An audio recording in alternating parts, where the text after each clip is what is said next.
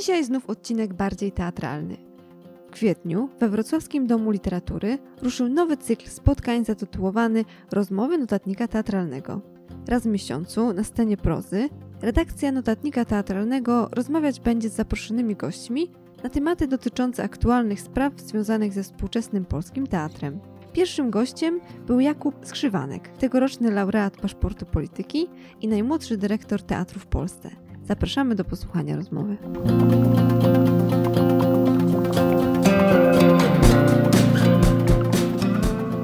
Dobry wieczór.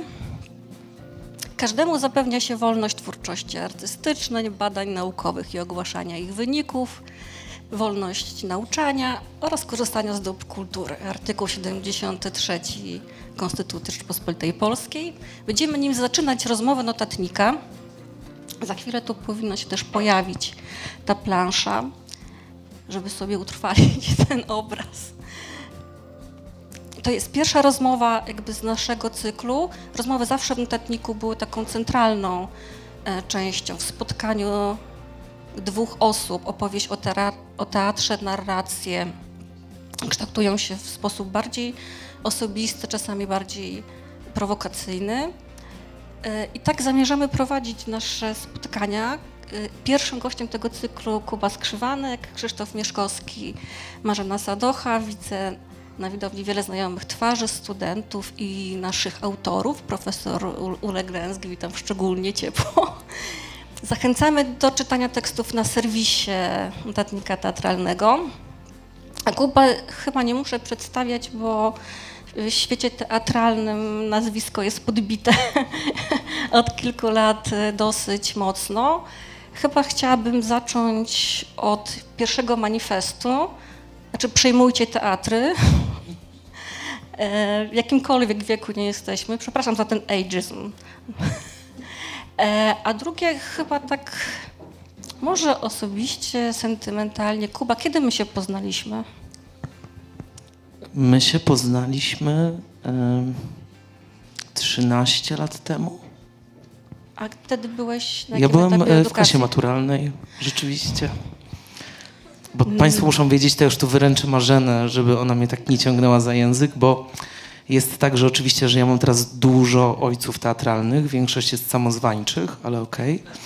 Ale mam też kilka matek i jedną z tych matek jest Marzena Sadocha, do której trafiłem tutaj zresztą z Sarą, przez Sarę tak naprawdę, do Wszechnicy Teatralnej Teatru Polskiego w klasie maturalnej właśnie. I to Marzena poniekąd mocno zdecydowała o tym, że nie poszedłem na prawo i moje życie potoczyło się w zgoła zupełnie innym kierunku.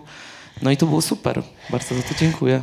E, ja oddaję część Krzysztofowi, bo to jest ta dyrekcja. Ja sobie myślę, człowiek czasami coś tym młodym ludziom gada, a potem mu się okazuje, że trzeba wziąć odpowiedzialność po latach. Ale e, ja niestety nie pamiętam tej grupy. Nie pamiętam, co, jaki, jaki tekst robiliśmy. Pamiętam tylko jedną rzecz, że ty zagrałeś scenę totalnie profesjonalnie. Ja nie wiedziałam, co z tym zrobić na tym poziomie. Ty mnie namawiałaś bardzo długo, żebym ja poszedł na aktorstwo i nawet prawie się złamałem, to znaczy ja podjąłem tę próbę. To jest taki moment outingu, gdzie można to powiedzieć. Na szczęście e, fakt e, samych egzaminów tak mnie psychicznie E, e, zniszczył, że pomyślałem, że nigdy w życiu nie chcę wykonywać tego zawodu i to jest jakaś trauma absolutna, jeśli tak to ma wyglądać jak egzaminy. E, no i jakoś się odnalazłem dzięki też Agnieszce Olsten i lecie w teatrze, bo to ona mi powiedziała, że no w teatrze są też jakieś inne możliwości działania.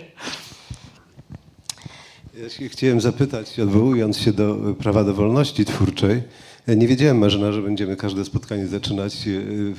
E, Następne musisz się nauczyć, ty będziesz recytował. Artykułem e, z Konstytucji. A potem nasi A co gości. myślisz o prawie do wolności twórczej? Ono jest obecne w twojej pracy, czy, czy w ogóle jest to jakaś drugorzędna perspektywa? Znaczy ja nie wyobrażam sobie, że y, jakakolwiek praca twórcza może się odbywać bez wolności teraz tak naprawdę no, y, to taki wrzuciłeś y, dynamit tak naprawdę i teraz nie wiem, czy przez kolejne dwie godziny będziemy mogli rozmawiać o czymś innym niż w ogóle wolność i próbować ją zdefiniować, bo, bo to jest w ogóle jakaś strasznie też trudna dzisiaj rzecz. Mi się wydaje, że zdefiniowanie dzisiaj, czym jest wolność i czy naprawdę jej potrzebujemy. Nawet w piątek byliśmy ze Spartakusem na festiwalu w Pradze i tam dostałem pytanie od jednej z osób, zresztą z pokolenia twojego, moich rodziców. E, Jest e, to takie Ja ciekaw jestem, z jakiego pokolenia jestem. E, to niestety jest moje pokolenie, ale myślę, że sobie zaczynamy radzić z A tym. ja myślałem, że jestem z twojego pokolenia po prostu. Tak, no jest ten ageism, który wprowadziła Marzena na początku spotkania, już się nie uwolnimy, przepraszam ciebie. Ale rzeczywiście dostałem takie pytanie, żebym spróbował scharakteryzować, jak oceniam pokolenie, e, które e, dla nas w Polsce wywalczyło wolność. I oczywiście pytanie było potem e, potwierdzone takim e, drugim, drugą kwestią, dlaczego młodzi o wolność nie walczą. Ja myślę, że to są w ogóle takie strasznie dzisiaj skomplikowane i błędne założenia, których właśnie pokolenie dzisiaj osób, e, no i sprawujących władzę i będących jakimś establishmentem, tak sobie to nazwijmy, bardzo chętnie w nie ucieka. To znaczy oni pojmują wolność bardzo prosto, w tej opozycji komuna, cenzura, to wszystko i tak dalej, twierdząc, że to, co myśmy mieli w latach 90., na początku lat 2000, to jest taki wspaniały obraz wolności, którym się mogliśmy sycić i jakoś to magicznie wszystko uleciało. Ale w ogóle nie rozumiemy o takich, czy, czy trudno jest strasznie rozmawiać z tym właśnie pokoleniem o czymś takim, że największym, no choćby naszym kagańcem, który, który mamy dzisiaj, to jest oczywiście z jednej strony PiS i o tym też sobie możemy porozmawiać, bo ja tutaj mam akurat bardzo dobre doświadczenia, jeśli o to chodzi. Czy dobre, bardzo negatywne, ale bardzo obfite.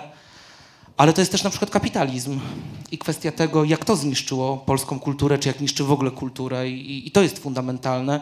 Jednak w Polsce nie chcemy tego bardzo mocno przyznać, bo jesteśmy cały czas zachwyceni tym wspaniałym prezentem, który dostaliśmy z Zachodu w latach 90., takim różowym, bogatym, innym, a on, e, a on niszczy. On niszczy społeczeństwo, on wprowadza nierówności i to jest coś, e, co jest obrzydliwe. Dlatego idąc już prowokacyjnie od początku, ja uważam w gruncie rzeczy, że proces niszczenia polskiej kultury, on się rozpoczął w latach 90. Do dziś nie ma żadnej ustawy, żadnych elementów, które by chroniły artystów, artystów freelancerów. Nikt o nich nie pamiętał, czy to jest Jarosław Kaczyński, czy Donald Tusk, czy Leszek Miller, czy ktokolwiek inny. Więc, e, więc to jest taki, taki może motyw, od którego chcę zacząć. I tak wracając trochę okręgiem, ale myślę, że warto, żeby sobie może pewne rzeczy na początek ponazywać. No nie, nie ma wolności bez tworzenia. y, Nie ma tworzenia bez wolności i wolności bez tworzenia. I tutaj akurat zakończę pozytywnie. Ja myślę, że polscy artyści zdali wspaniały egzamin ostatnich siedmiu lat, bo to się nie musiało tak potoczyć. Wiesz co, no muszę teraz wejść w polemikę z tobą, yy, no bo jesteś niezorientowany. Wiesz dlaczego? Dlatego, że... Dlatego, że e, w, listopadzie e, 2020 roku, e, to był czas pandemii, jak e, wszyscy Państwo pamiętacie, e, Koalicja Obywatelska a, oraz ja złożyliśmy ustawę o statusie artysty. Ta ustawa jest złożona do, mówiąc nieładnie, laski marszałkowskiej i ona od e, trzech lat jest e, do wzięcia. Natomiast środowiska artystyczne w jakimś momencie poszły na współpracę z y, ministrem y, y, kultury Piotrem Glińskim, mając pewność, że ta ustawa, nad którą pracuje Wanda Zwinogrodzka, będzie pierwszą ustawą, która trafi pod obrady Sejmu i to się do tej pory nie stało. Rezultatem takiej, takiej ekwilibrystyki slalomu specjalnego e, Ministerstwa Kultury było odejście w ostatnich miesiącach Wandy Zwinogrodzkiej, która pracowała nad tą ustawą i jak się okazało, ustawa o statusie artysty, która daje polskim artystom i artystkom, to jest bardzo istotne, prawa emerytalne, prawa do opieki zdrowotnej. E, To jest niezwykle istotne, żeby nasi artyści nie byli wykluczeni z przestrzeni e, społecznej, bo tak w tej chwili jest tak naprawdę. I podczas pandemii była taka sytuacja, że wielu y, artystów, wiele artystek pracujących w teatrze, czy w sztukach wizualnych, czy piszących książki, nie miało żadnej opieki y, finansowej. Więc taka ustawa istnieje, natomiast nasi artyści niestety woleli poprzeć y, premiera, który jest silny i miał tę przewagę nad innymi, nade mną w tej sytuacji, ponieważ ma moc sprawczą. Nie dokonał tego. W związku z tym tak zastanawiam się, jaka jest siła dzisiaj środowisk artystycznych, które na przykład nie popierają czegoś, co mogłoby spowodować em, inną przestrzeń ich pracy. Znaczy, to, to się zepniemy tutaj już na samym początku, bo mówisz nieprawdę. E, I źle trafiłeś trochę, bo ja jestem w zarządzie Gildii Polskich Reżyserów i Reżyserek Teatralnych od 2017 roku i rzeczywiście myśmy od 2018 albo 2019 roku doskonale znam Twoją ustawę i to, co wprowadzałeś, ale myśmy dużo wcześniej nad tą ustawą pracowali i tak, nas to boli. To znaczy, jest to cholernie bolesne żyć w kraju, w którym masz do czynienia z zbrodniarzami. Bo ja tak określam miano grupy trzymającej władzę dzisiaj.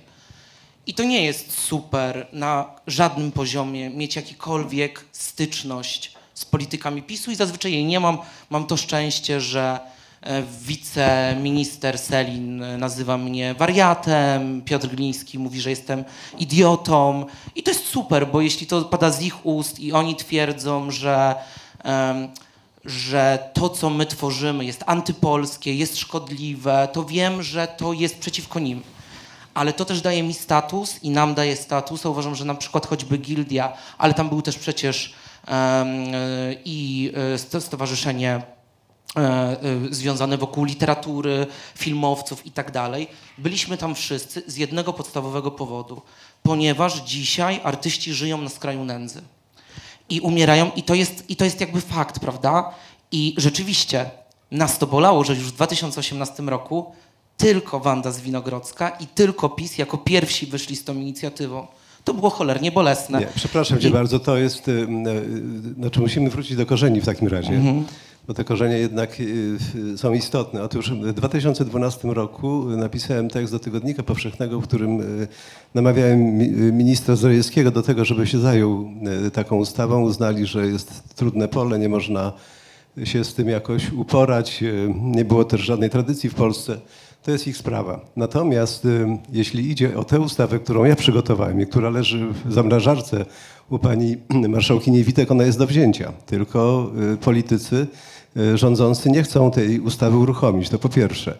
Ta ustawa, ona powstała na zrębach tego, co przygotowali polscy artyści i polskie artystki, współpracujący z ministrem Glińskim i z Winogrodzką, wtedy kiedy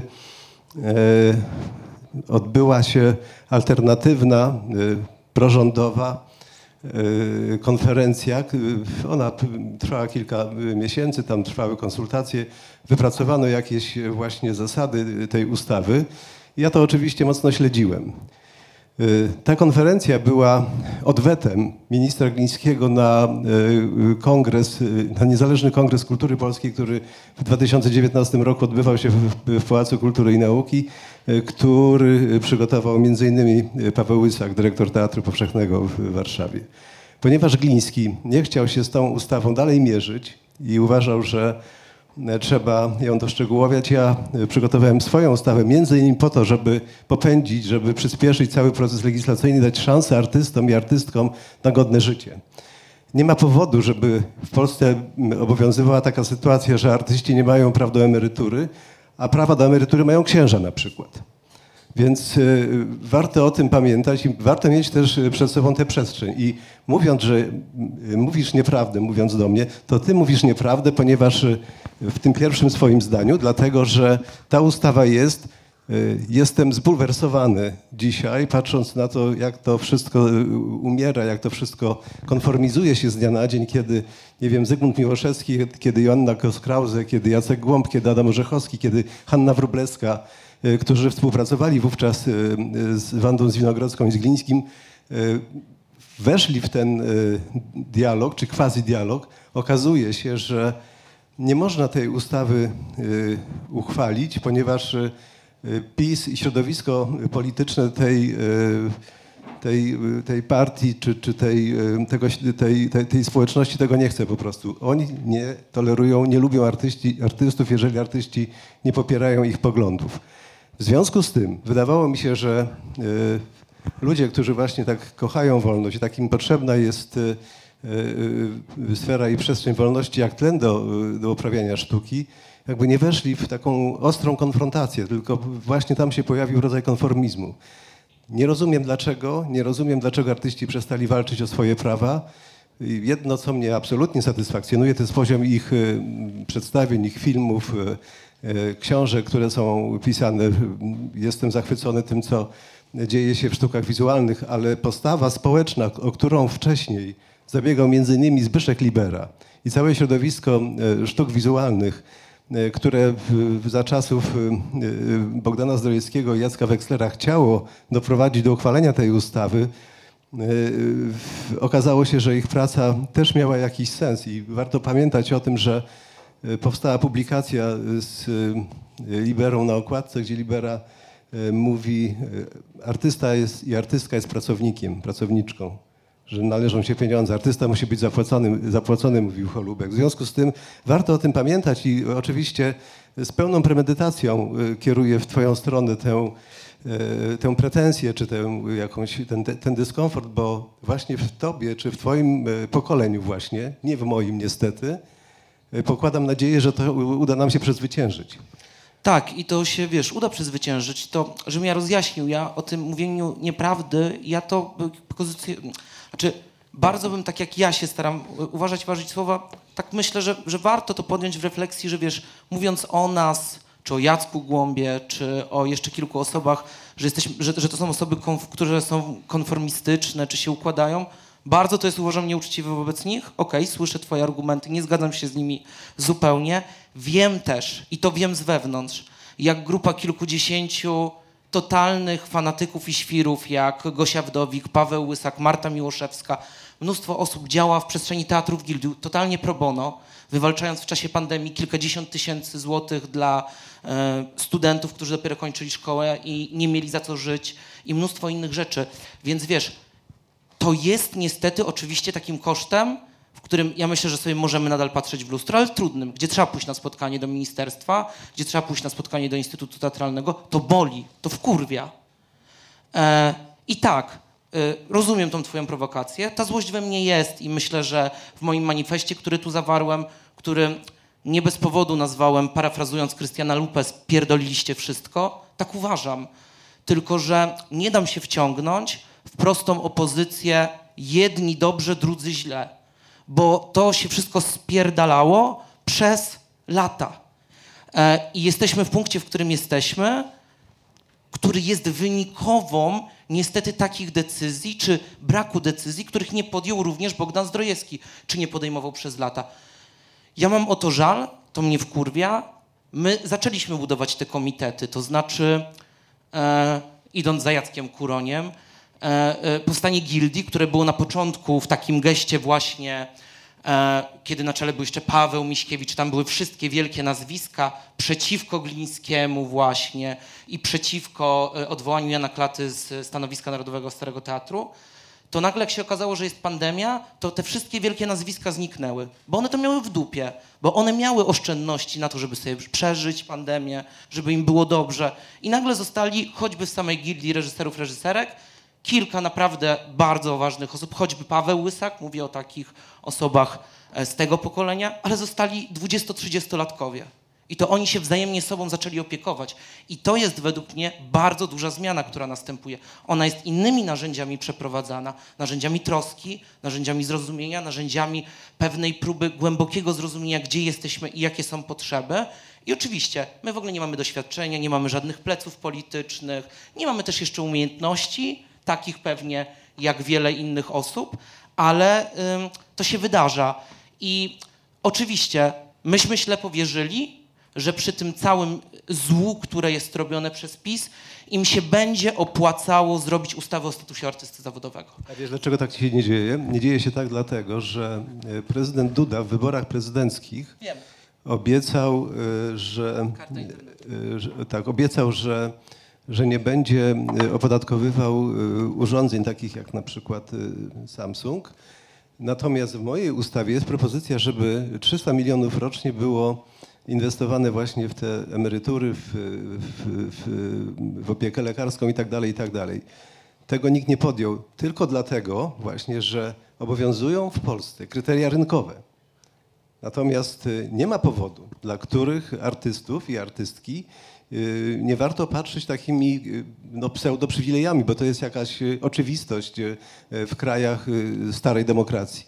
W związku z tym y, ta, y, ta próba y, przekonania ministerstwa, żeby uchwaliło tę ustawę, żeby ono wprowadziło ją w życie, polega po prostu na tym, że y, najzwyczajniej to się politycznie y, nie opłaca y, władzy, która y, ma swoje preferencje, ma swoje, y, ma swoje wektory, ma swoje kierunki i ona będzie je y, absolutnie realizowała. Dlatego y, zastanawiam się, w jaki sposób i czy są takie możliwości doprowadzić do jakiejś solidarności, do jakiejś spójności wewnątrz y, artystycznej, w naszym środowisku szeroko pojętym. Niezależnie od tego, czy jest to Krystian Lupa, który ma blisko 80 lat i ciągle robi najbardziej radykalny teatr w Polsce być może, Pewnie się nie zgodzisz, a może się zgodzisz z tym, nie wiem tego. W każdym, Prowokacja numer dwa. w każdym, w każdym razie... W Kuba, każdym, nie, nie wychodź, nie? Tutaj nie ma jak trzasnąć drzwiami. nie, nie, w każdym razie, w każdym razie mnie się podoba taka sytuacja y, konfrontacyjna, nie w sensie jakiegoś pustosłowia, tylko załatwmy coś. Tak, to ja może tylko powiem Państwu, bo to jest ważne, tak w telegraficznym skrócie. E, ustawa o statusie artysty zakładała wniesienie opłaty reprograficznej. Ona polega na tym, że jak Państwo kupujecie jakikolwiek sprzęt elektroniczny, to oddajecie drobny procent z tego, bo będziecie nad tym oglądać sztukę. Czy to jest muzyka, film, czy cokolwiek innego. Opłata istnieje we wszystkich krajach EU Unii Europejskiej, chyba poza Polską i Bułgarią, z tego co wiem. I to jest taki świetny y, lobbying Apple'a, Samsunga, że oni próbują Państwu powiedzieć o tym, że jak to zostanie wprowadzone, to będziecie więcej płacić za iPhone'a. Co jest bzdurą, ponieważ iPhone ustala cenę globalną. I po prostu więcej w tym momencie idzie do kieszeni ich, a nie idzie do artystów. I rzeczywiście, tak jak tutaj Krzysztof powiedziałeś, to było jedna z najsmutniejszych rzeczy i to nawet ja doprecyzuję, bo wiem, ile dokładnie kosztowało i co sprzedanie polskich artystów. Y, Zostaliśmy sprzedani za zdjęcie Andrzeja Dudy z Donaldem Trumpem dwa tygodnie przed e, wyborami prezydenckimi. Bo to jest taki Uuu, timeline. wysoka cena. Kapitalizm. Spoko. Tak, Polityczny. myślisz? Za selfie z Trumpem? No nie wiem, jakoś tak też wyżej, wyżej, co Jezus, no to jest prowokacja najmocniejsza jak na razie dzisiejszego wieczoru. No ale to, to jest, drodzy Państwo, smutne, bo to rzeczywiście tak było. Duda pojechał do Trumpa i wrócił i na drugi dzień e, ministerstwo zerwało z nami rozmowy i wprowadził kartę wolną od internetu i powiedział społeczeństwu, że właśnie nie pozwoli na wprowadzanie, pięknie to nazwali, ale mają od tego świetnych lobbystów, podatek na internet, prawda? I to jest... Idźmy, jeszcze, idźmy dalej. Jeszcze jeden wątek, y, już krótki może y, z tej, z tej kwestii. Czy jest jakaś szansa na to?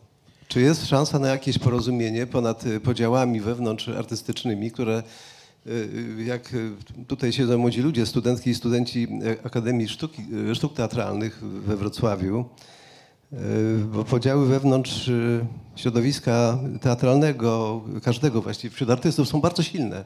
Może nawet bardziej jesteśmy spolaryzowani niż politycy i polityczki.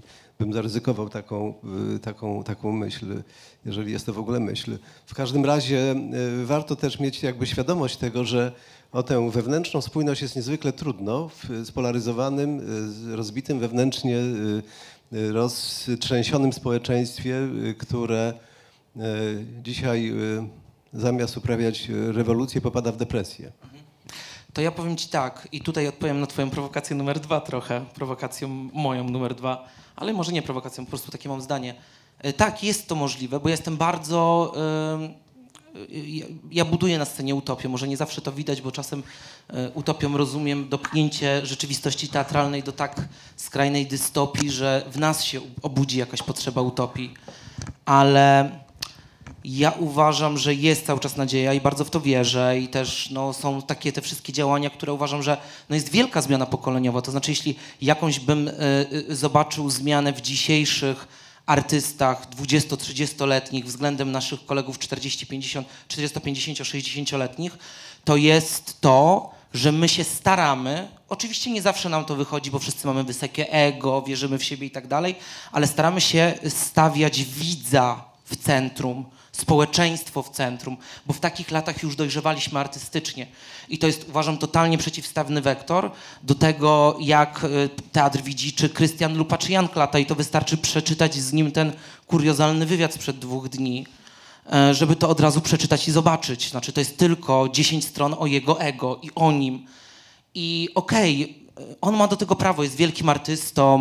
E, m, jeśli nadal tak widzi rzeczywistość, to mi jest tylko przykro, ale okej, e, ale już ja czuję, że my z nimi tego świata nie zmienimy.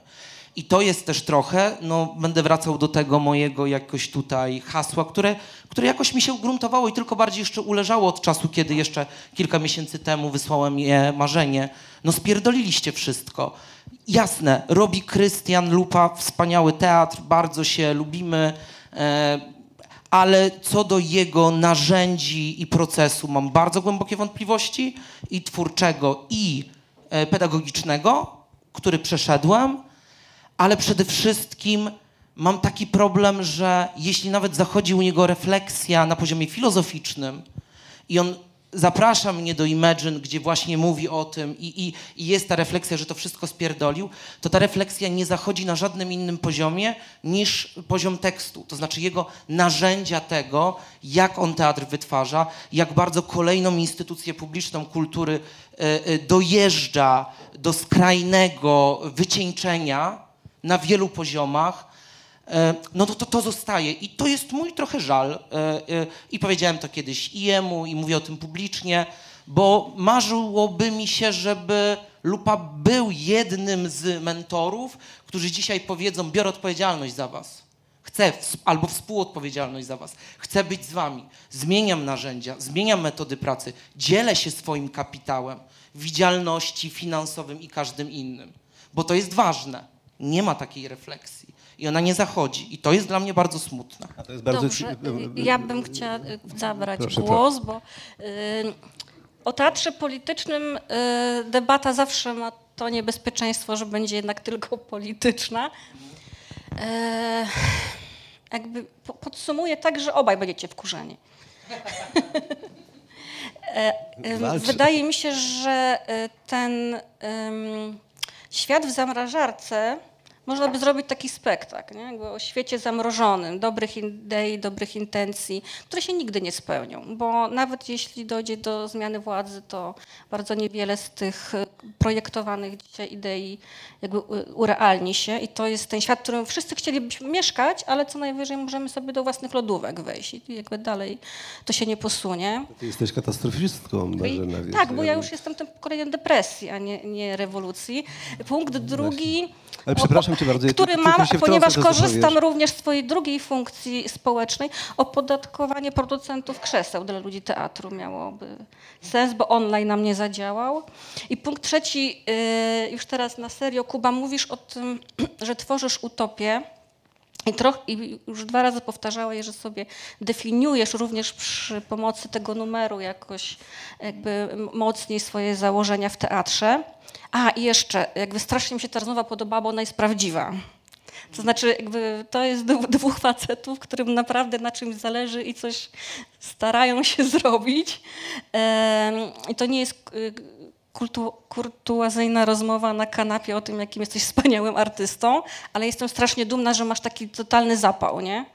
Bo y, ja się już wypaliłam, znaczy już sobie głowę rozbiłam o barykady, a jak patrzę, jak ty teraz miałeś roztrzęsione ręce, jaki byłeś w emocjach, to sobie myślę, kurde, jakby jeszcze, jeszcze zobaczę kiedyś inny świat, nie?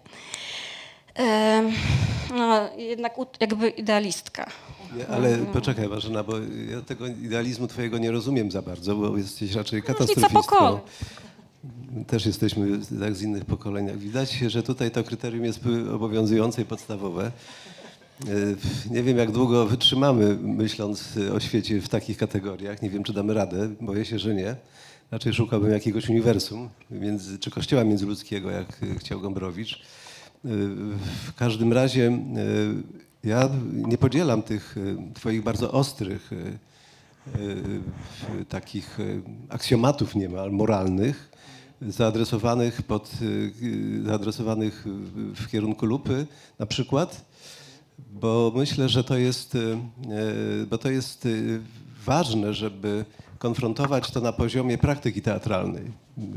Praktyka teatralna polega na tym, że oprócz y, pracy y, podczas prób y, nagle wyłania się forma, y, która coś mówi publiczności. Kiedy artysta się z tą publicznością y, y, łączy albo jest przeciwko niej, jeszcze raz powtórzę, robiliśmy teatr dla publiczności, ale także przeciwko niej. Myślę, że też jest taka rola artystów w ogóle, że tutaj nie ma jakiegoś y, komfortu i y, nie, zrobimy sobie przyjemności. Więc y, zastanawiam się, na ile dzisiaj taka radykalna, tak restrykcyjna twoja y, y, perspektywa w ten sposób sankcjonująca dorobek Krystiana Luty jest, y, Lupy jest prawdziwa, czy ona jest wynikiem twojej właśnie takiej ostrej dzi- dzisiaj y, jazdy artystycznej i społecznej, za którą kryje się właśnie ten silny aspekt moralny, o którym mówisz, czy on nie jest y, fałszujący rzeczywistość artystyczną, zubożający ją? Znaczy, ja nie wiem, gdzie jeszcze było ostro, bo ja się bardzo y, staram. Dzisiaj właśnie sobie obiecałem, że nie będzie ostro, więc. Ale więc to- przepraszam, Złego- przepraszam, złego miejsca trafiłeś. Przepraszam, że jakieś mi nie wyszło. E, wiesz co, no, no i, i, i w ogóle też tak, bo, bo tak mnie zepchnąłeś właśnie w takie, w takie wielkie kwantyfikatory, nie? że już tak powiedziałem o tym lupie. Jeszcze mam poczucie, że nic nie powiedziałem za bardzo o nim. E, ale też niekoniecznie chcę mówić, wiesz, bo mam bardzo wielki, właśnie to chcę powiedzieć, mam bardzo duży szacunek do Krystiana na wielu poziomach. Robi bardzo ważny teatr i to tak nawet można zażartować. Ostatnio e, napisała do mnie znajoma teatrolożka, szukała przykładów e, teatru queer, queerowego, najlepszego na zajęcia. I ja mówię, no trzecia część Capri, no najlepszy queer, jaki powstał po 2015 roku. I ona mówi, Jezu, rzeczywiście, scena z cygankami. I to jest śmieszne, to, znaczy, to, to jakby mnie samego bawiło, kiedy oglądaliśmy, mi się wszyscy napinali gdzieś od mniej więcej 2012, ale zrobimy queer, nie? I po prostu chcieliśmy ten queer wprowadzać i go, i go, i, i przyszedł Lupa, Dziadek Lupa. przyszedł dziadek Lupa i nam pokazał, jak się robi queer. I to jest super, nie? I, i, i na wielu poziomach tak, jakby zgadzam się. Ja y, i dlatego mówię, mam wielki szacunek, to jest bardzo ważny polski artysta, ale jak się mnie pytasz właśnie w kontekście, gdzieś, je, gdzie się możemy, czy się połączymy, czy będziemy razem i tak dalej, no to nie połączymy się i nie będziemy razem, bo Krystian Lupa, ale też inne wielkie tuzy polskiego teatru nie chcą być z nami razem. My jesteśmy dla nich jakoś, i to nawet właśnie, może się odczepmy od tego lupy, ale doskonałe przykłady nawet nam dawał właśnie Klata w tym, w tym artykule. E, Kto to, a kto to są my?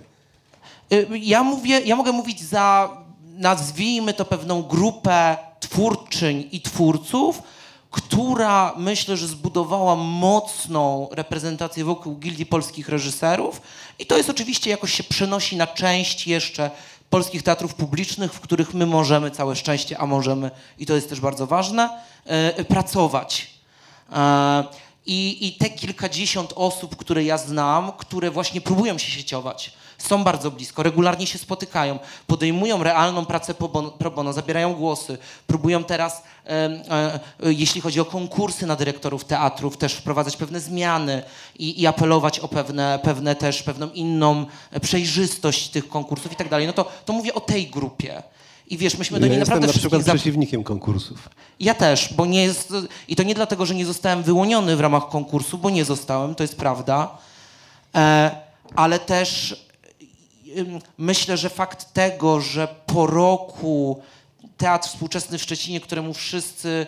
e, Myślę, e, nawet publicznie w większości wieszczyli absolutną klęskę pod moją e, dyrekcją, jakoś chyba sobie radzi. To jest też element tego, że właśnie stworzono model, który jest modelem choćby bardzo często używanym w Niemczech. To znaczy, ja byłem półtorej roku przygotowywany do objęcia dyrekcji w teatrze, w którym miałem rozpocząć pracę. I wchodząc do zespołu, i byłem propozycją zespołu, to też ważne, byłem zweryfikowany przez Urząd Miejski, ponieważ musiałem przygotować kompletną aplikację, taką jak się przygotowuje do konkursu, więc to nie jest tak, jak częściej się wydaje, że Anna Augustynowicz mnie w akcie jakiejś iluminacji namaściła i był koniec. W ogóle nie. E, ale, ale to wszystko przeszło i pozwoliło, że w teatrze nie było nawet przez sekundę jakiegokolwiek trzęsienia ziemi. My pracujemy, oczywiście wyszła zupełnie nowa, inna jakość, e, inna narracja, ale na bardzo mocnym fundamencie. Wszyscy są szczęśliwi, tak czuję, mam nadzieję. Nikt się jeszcze nie zwolnił, ani nikogo ja też nie zwolniłem, to jest też dla mnie bardzo ważne. I, I to się da, tak? I rzeczywiście konkursy w dzisiejszym kształcie, zwłaszcza jeśli większość też, czy, czy mocny element reprezentacji ma ministerstwo choćby, no one nie mają sensu, na pewno.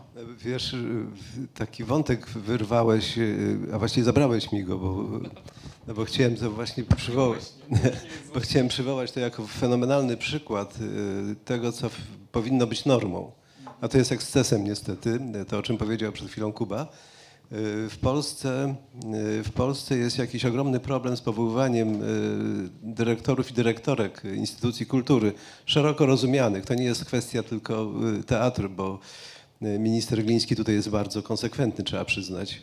Najbardziej był konsekwentny wtedy, kiedy, kiedy mimo wygranego konkursu profesora Stoli nie powołał go na dyrektora Muzeum Polin w Warszawie.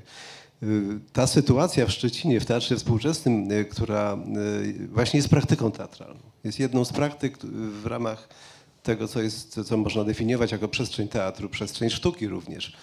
E, I udało się właśnie porozumieć z, z Anną Augustynowicz, znakomitą reżyserką, wieloletnią dyrektorką artystyczną Teatru Współczesnego w Szczecinie. Moją mamą numer dwa.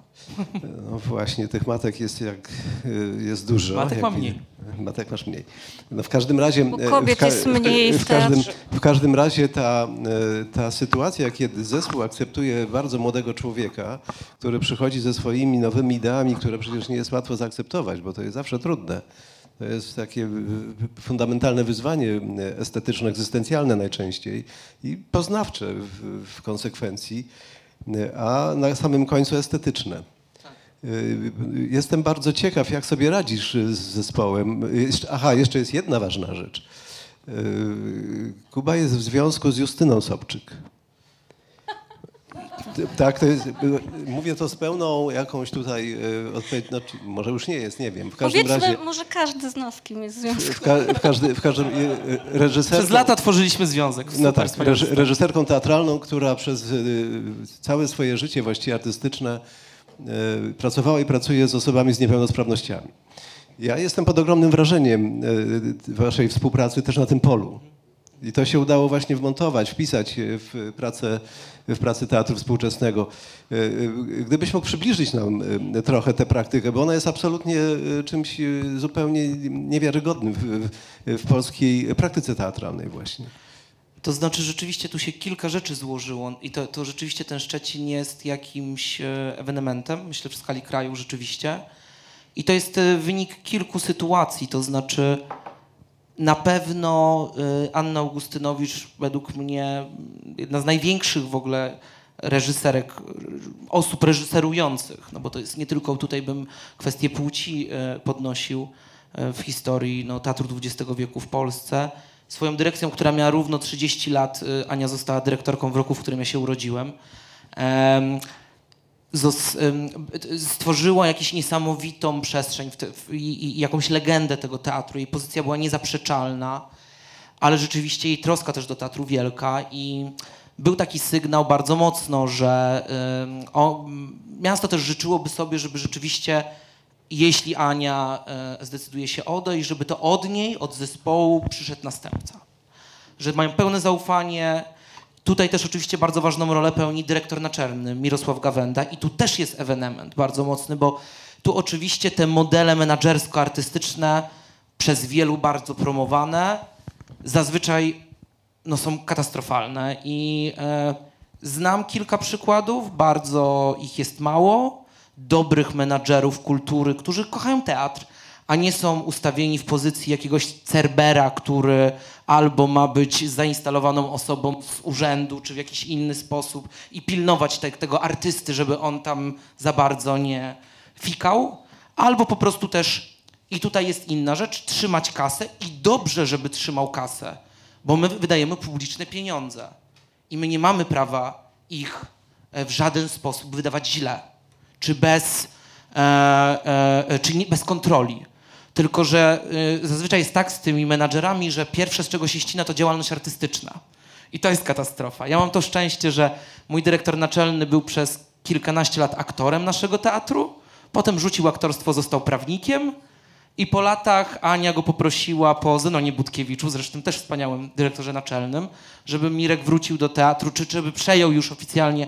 Więc ja mam naprawdę wspaniałe szczęście w Szczecinie i, i w tej sytuacji miejskiej rzeczywiście było tak, że po spektaklu Kaspar Hauser, który też tutaj widzę, że gdzieś miga, najpierw zespół, potem Ania i Mirek tak naprawdę zaproponowali mi e, objęcie dyrekcji w Szczecinie i to jest ciekawy timeline.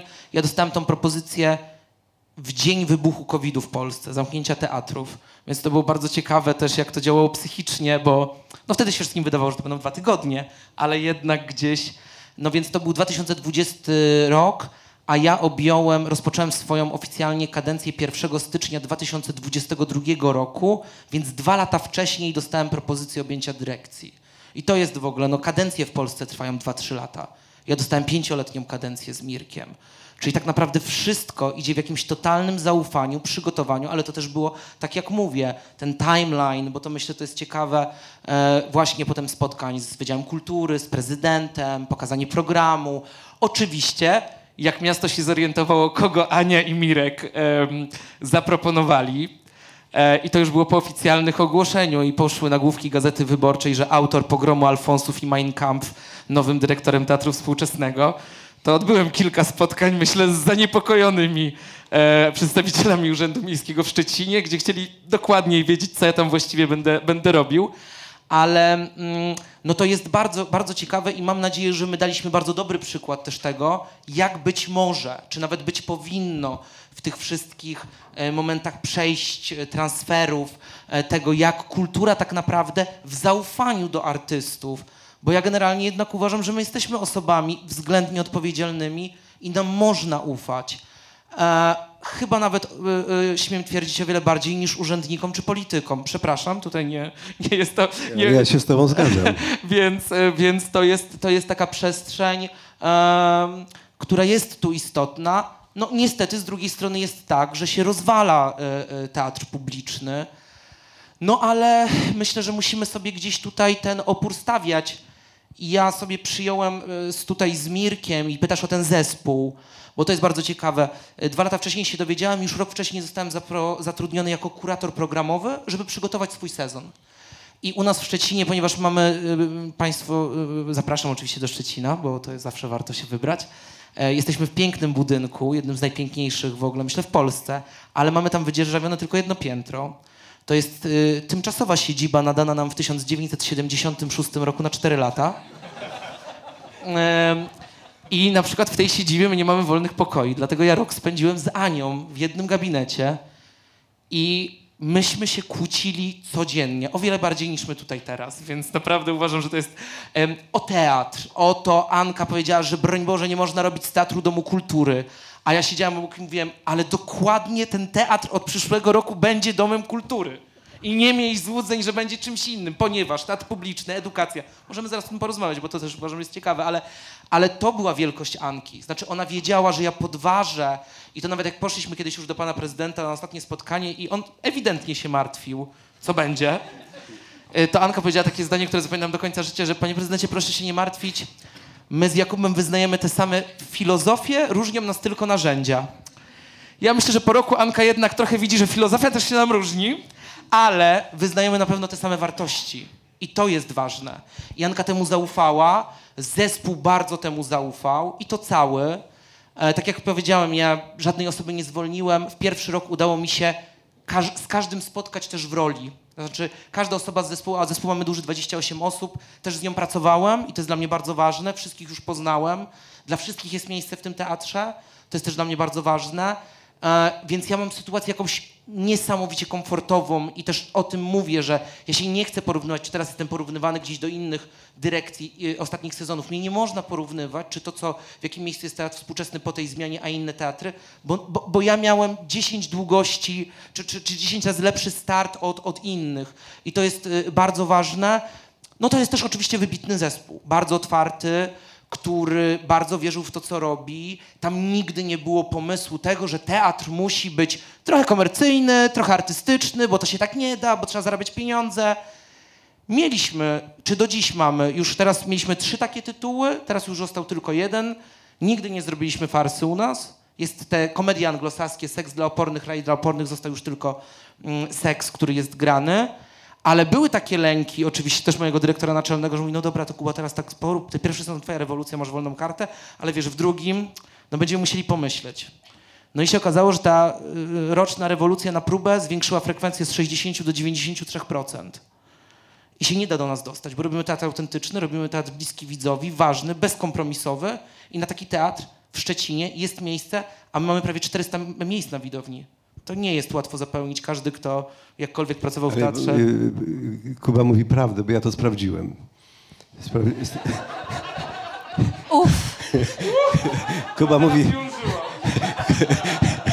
więc, więc ta kategoria prawdy jest formą otwartą, jak wiadomo. E, Ale, ale tak, to bardzo świetne rzeczy opowiadasz. No, to jest właściwie taka sytuacja utopijna. Ona jakby z innej rzeczywistości tutaj wygląda, tak ją prezentujesz. E, No teraz pora wrócić, e, czy zacząć rozmawiać o twoim teatrze. Ja tylko powiem, żeby tak nie było kolorowo, ale jesteśmy też jednym z najbiedniejszych teatrów, jakie znam. E, średnio u nas e, płaca jest 70, e, e, prawie 70% pracowników zarabia płacę minimalną. E, e, aktorzy zarabiają w granicach 3600 do 4000 już z honorariami.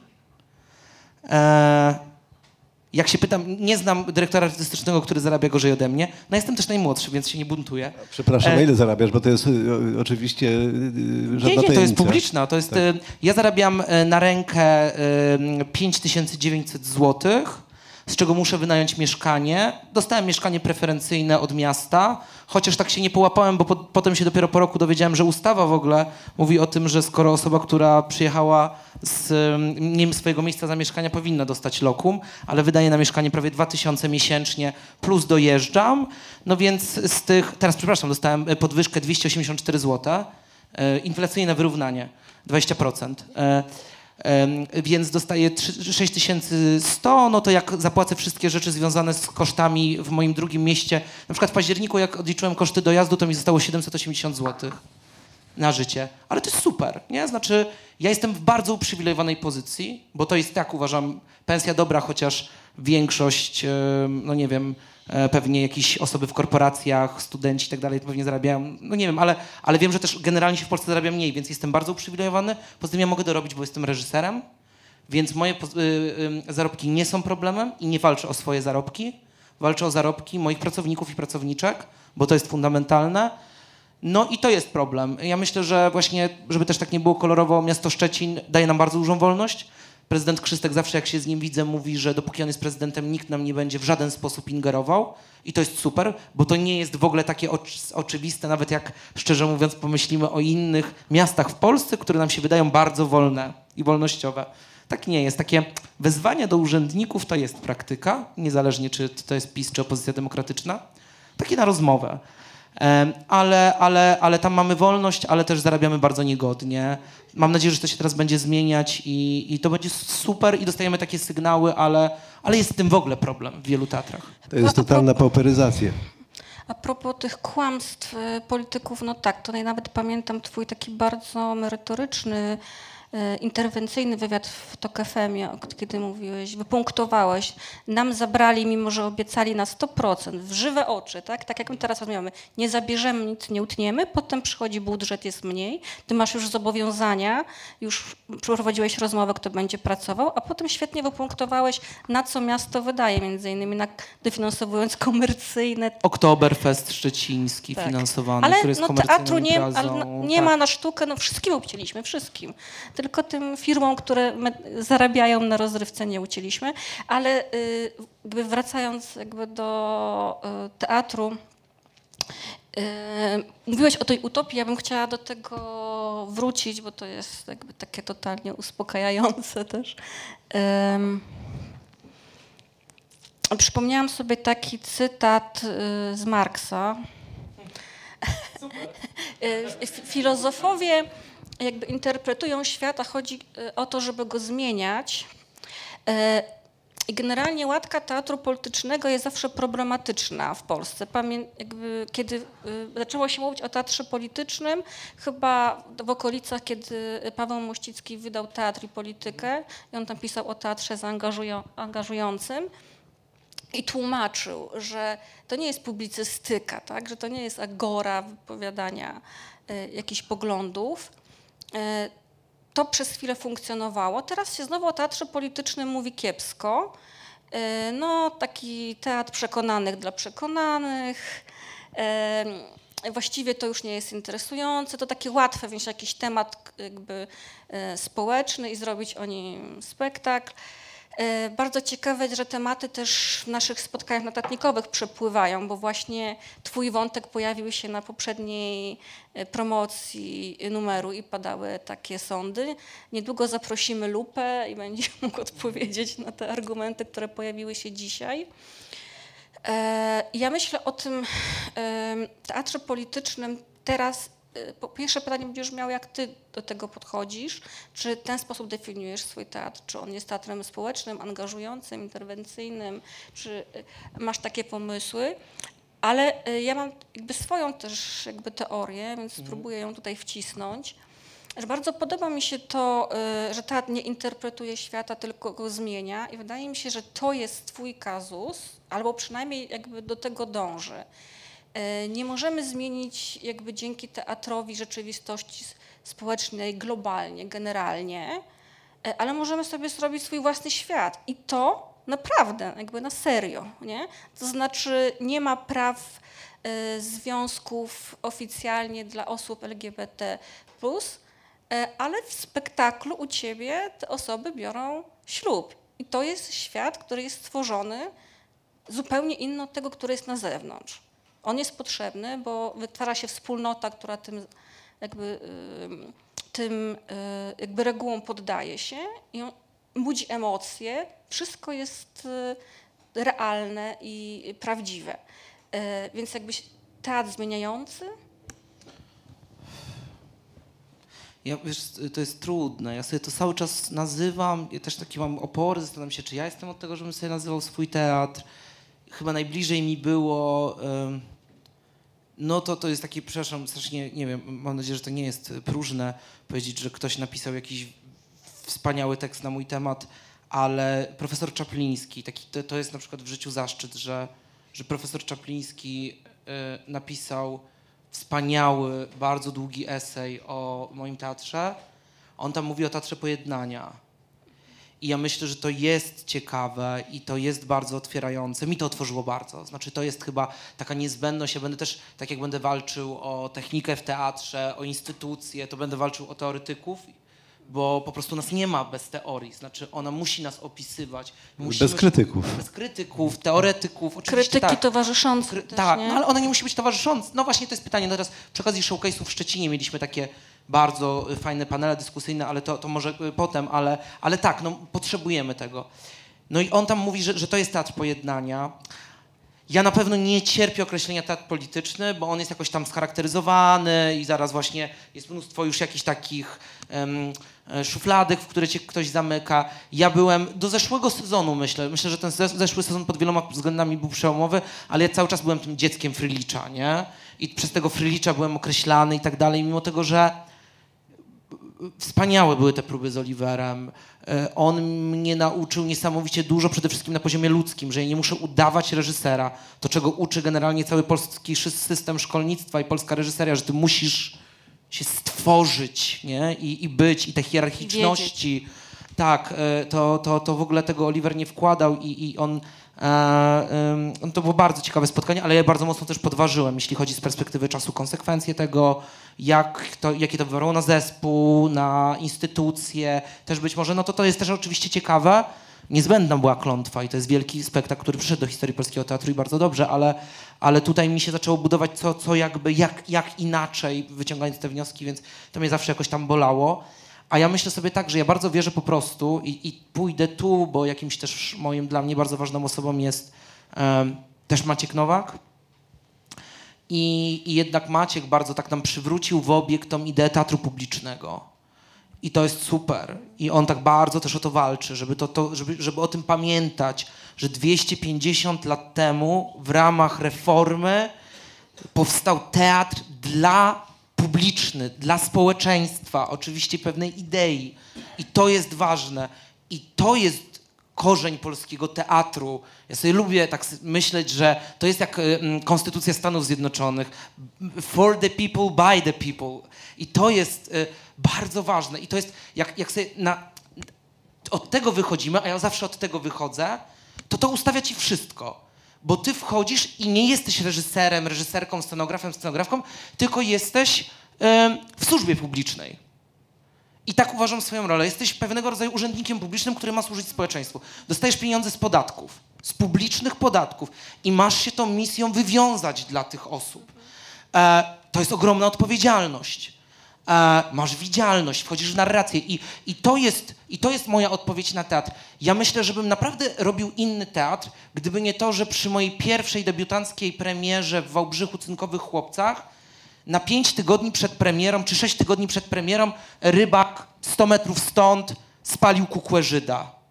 Ja się wychowałem 100 metrów w tą stronę, na Świdnickiej 5. Całe jakby moje dzieciństwo to było to miejsce.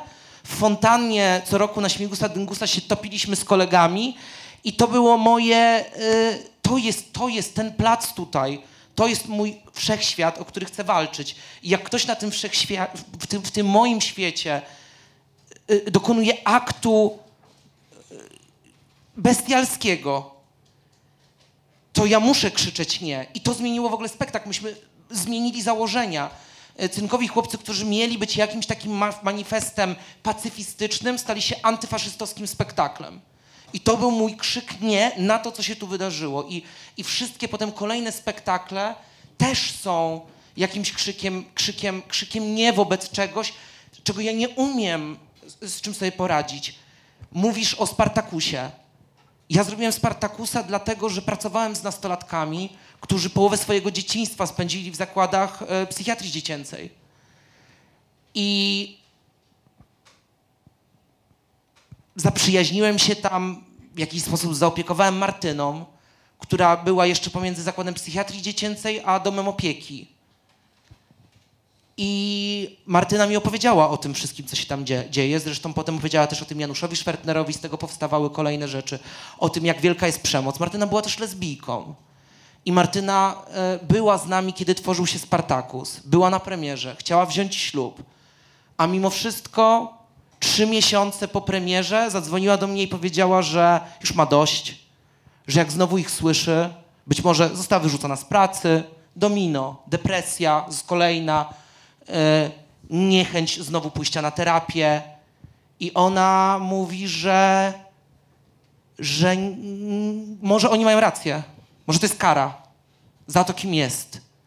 I ty próbujesz tej dziewczynie od ciebie prawie 10 lat młodszej wytłumaczyć, że to nie jest kara, że to są podli cynicy. I ona mówi, że tak, że się zgadzam ze mną, ale czujesz, że coś może jest nie tak.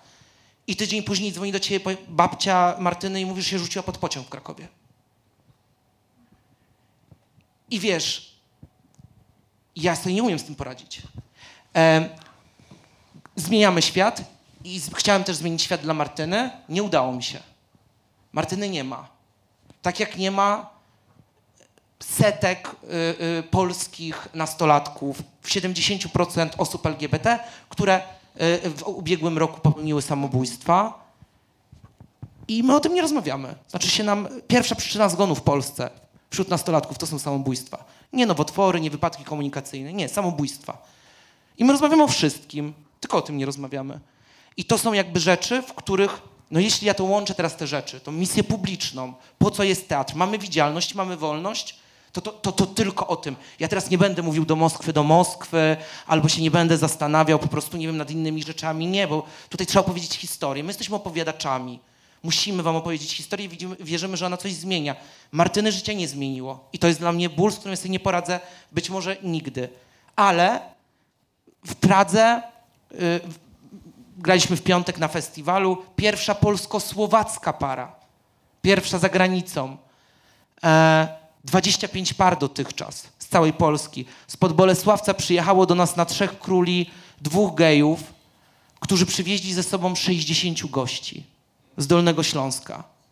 Swoich rodziców, swoich bliskich. Wzięli ten ślub, wynajęli statek Ładoga na Odrze, tam odbyło się wesele, polecieli, e, w, pojechali w podróż poślubną. Ja spotykam i w Szczecinie te osoby, one mi pokazują obrączki i mówią, co u nich. I to jest coś takiego, bo ty mówisz, że my sobie tak robimy to w teatrze. A ja się zastanawiam, to jest teatr? Nie, myśmy wybili piłkę na inne boisko. To jest, myśmy y, tworzy, tworzymy y, rzeczywistość. Spartakusa przez rok zobaczy y, 20 tysięcy osób w Szczecinie. Na miasto 400 tysięcy, to jest 5% miasta, zauczestniczy w ślubie gejowskim. Oni to zobaczą. Tego się nie powstrzyma. Tak, ja mówię, wiesz co, o tej metodzie, nie? Bo faktycznie widziałam wiele spektakli, w których czułam dyskomfort, bo na przykład y, atakuje się publiczność, nie? Przekonuje się publiczność, która generalnie publiczność teatralna, jakby nie trzeba jej za bardzo przekonywać, tak? Albo apeluje się do polityków, których nie ma i którzy nigdy tego spektaklu nie zobaczą. To jest ta trzecia metoda, kiedy właśnie realnie zmiana zaczyna się w tym miejscu, trochę jak w sinusoidzie trenera z dramatu społecznego do dramatu scenicznego, po prostu to przechodzi. I potem jest fala coraz większa, fala y, jest coraz większa i coś się zmienia. I myślę, że ta twoja dramatyczna historia przed chwilą y, jest jakimś jakby pokoleniowym naszym doświadczeniem. Czyli ja jestem jakby starsza od ciebie, znowu ten ageism, ale y, jakby to jest y, doświadczenie też mojego dorosłego życia, cierpienie moich y, przyjaciół y, z mniejszości seksualnych, y, emigracja y, mojego przyjaciela, który powiedział, że po prostu nie daje rady, bo był pobity przez policję we Wrocławiu i jak się rozmawia z ludźmi, to mamy tą nową emigrację, ludzi, którzy po prostu wyjechali do lepszych światów, gdzie kurczę, jest tam, tam można, tam jest wszystko normalnie. E, I to nas bardzo mocno emocjonalnie, myślę, e, kształtuje i to będą e, wielkie tematy Ale do przepraszam, zmiany. ja muszę się wtrącić Ale to. i, i, dobrze, ja tylko chciałam dokończyć. To jest jakby ta, ta jedna moja rzecz, że wy, wy- wypunktowałeś po prostu temat generacyjny, jakby niezwykle ważny.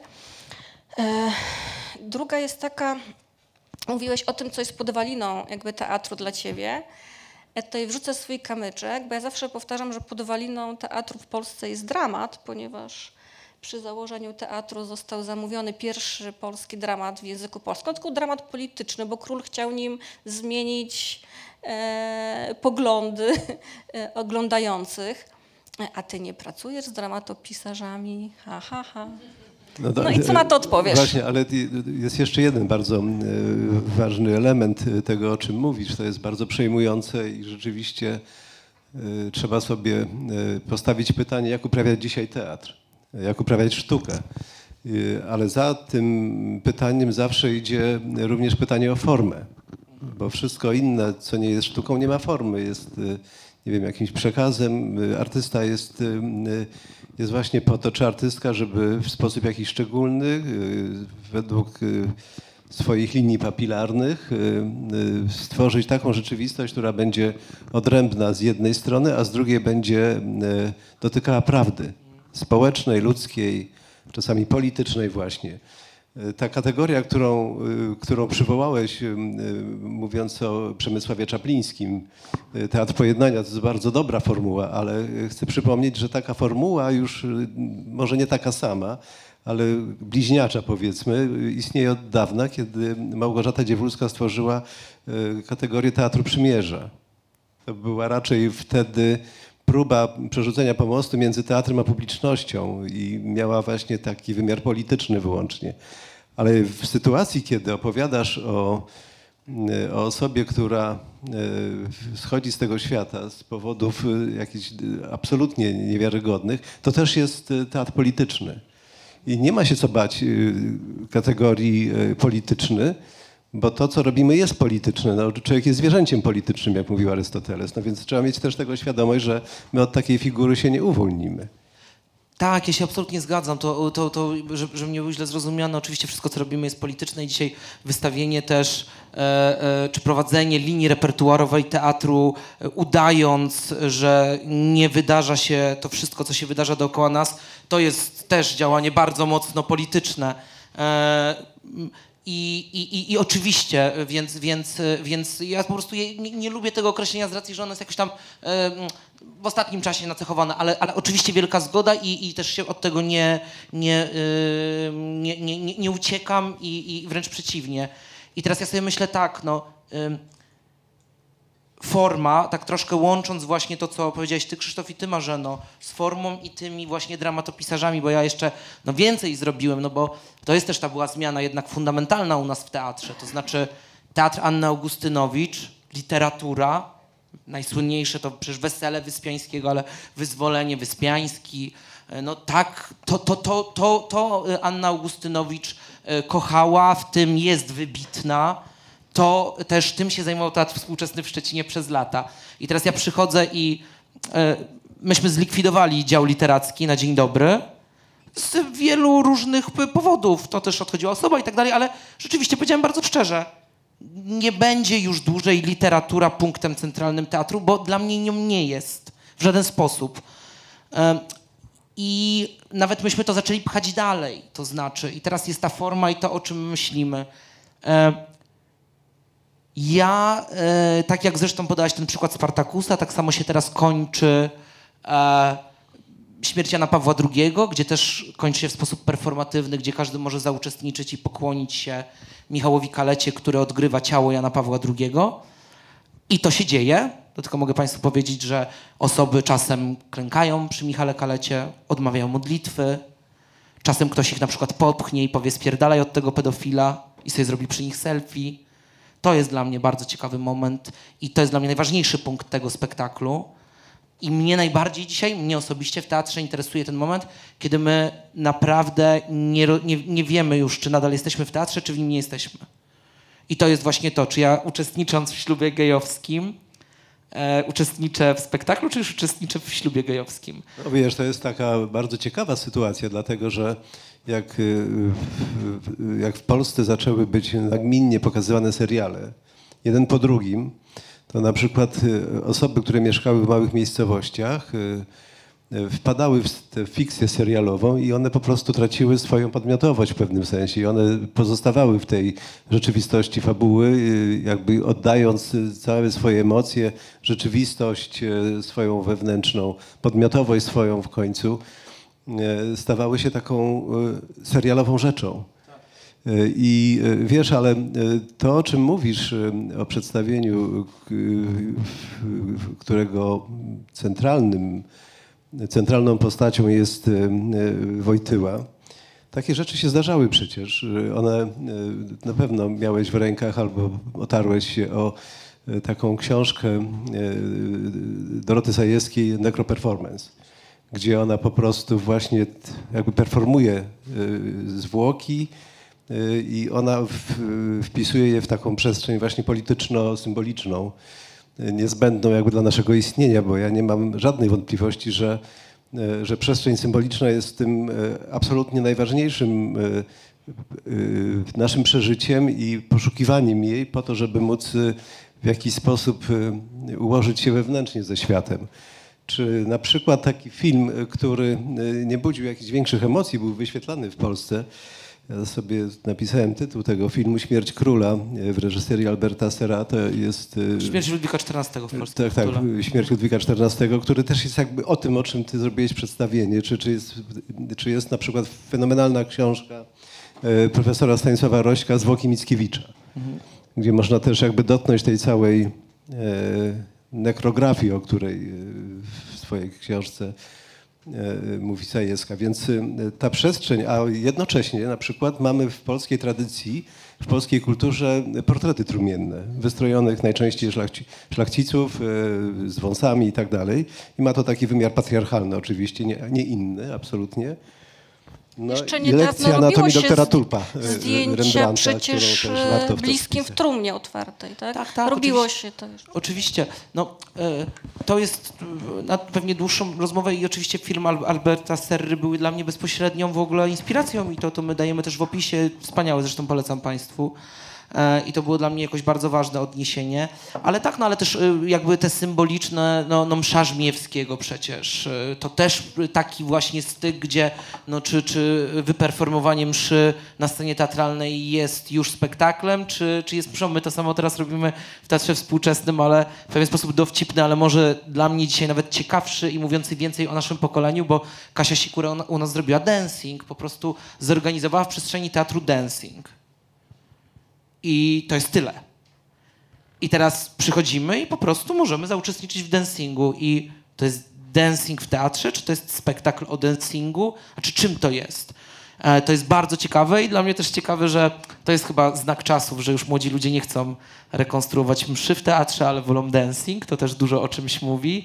Em, ale tutaj wracając do tego, o czym wy też mówicie, em, bo, bo to jest tak, że się łączy i teraz chcę tylko tak szybko wrócić do tego, co pytała Marzyna i ty mówiłeś o formie e, i się tak usprawiedliwić trochę, no bo właśnie miała Ania tą literaturę i aktora w centrum. A ja mam coś takiego, że dopóki... E, pytanie jest w ogóle dzisiaj o aktora. Ja mam dużą odpowiedzialność, bo zostałem wybrany do Szczecina trochę przez zespół aktorski. Mam wobec nich ogromną odpowiedzialność, bo to jest wybitny zespół. E, i, i będę jakby, ym, ale no jest taka prawda, że no, y, zespoły aktorskie w Polsce są gigantycznym kłamstwem o rzeczywistości, które nas otacza.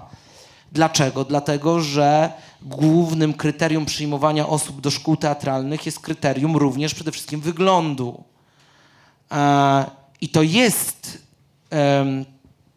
no straszne, no ja, rasistowskie, jakieś, nawet bym powiedział faszystowskie. Powiedziałem to ostatnio zresztą w szkole teatralnej. Dopiero pierwszy raz przyjęto dwa lata temu do Bytomia dziewczynę, która ma niewykształconą prawą dłoń. A naprawdę wiem, że setki osób z niepełnosprawnościami przez lata próbowały być aktorami, aktorkami.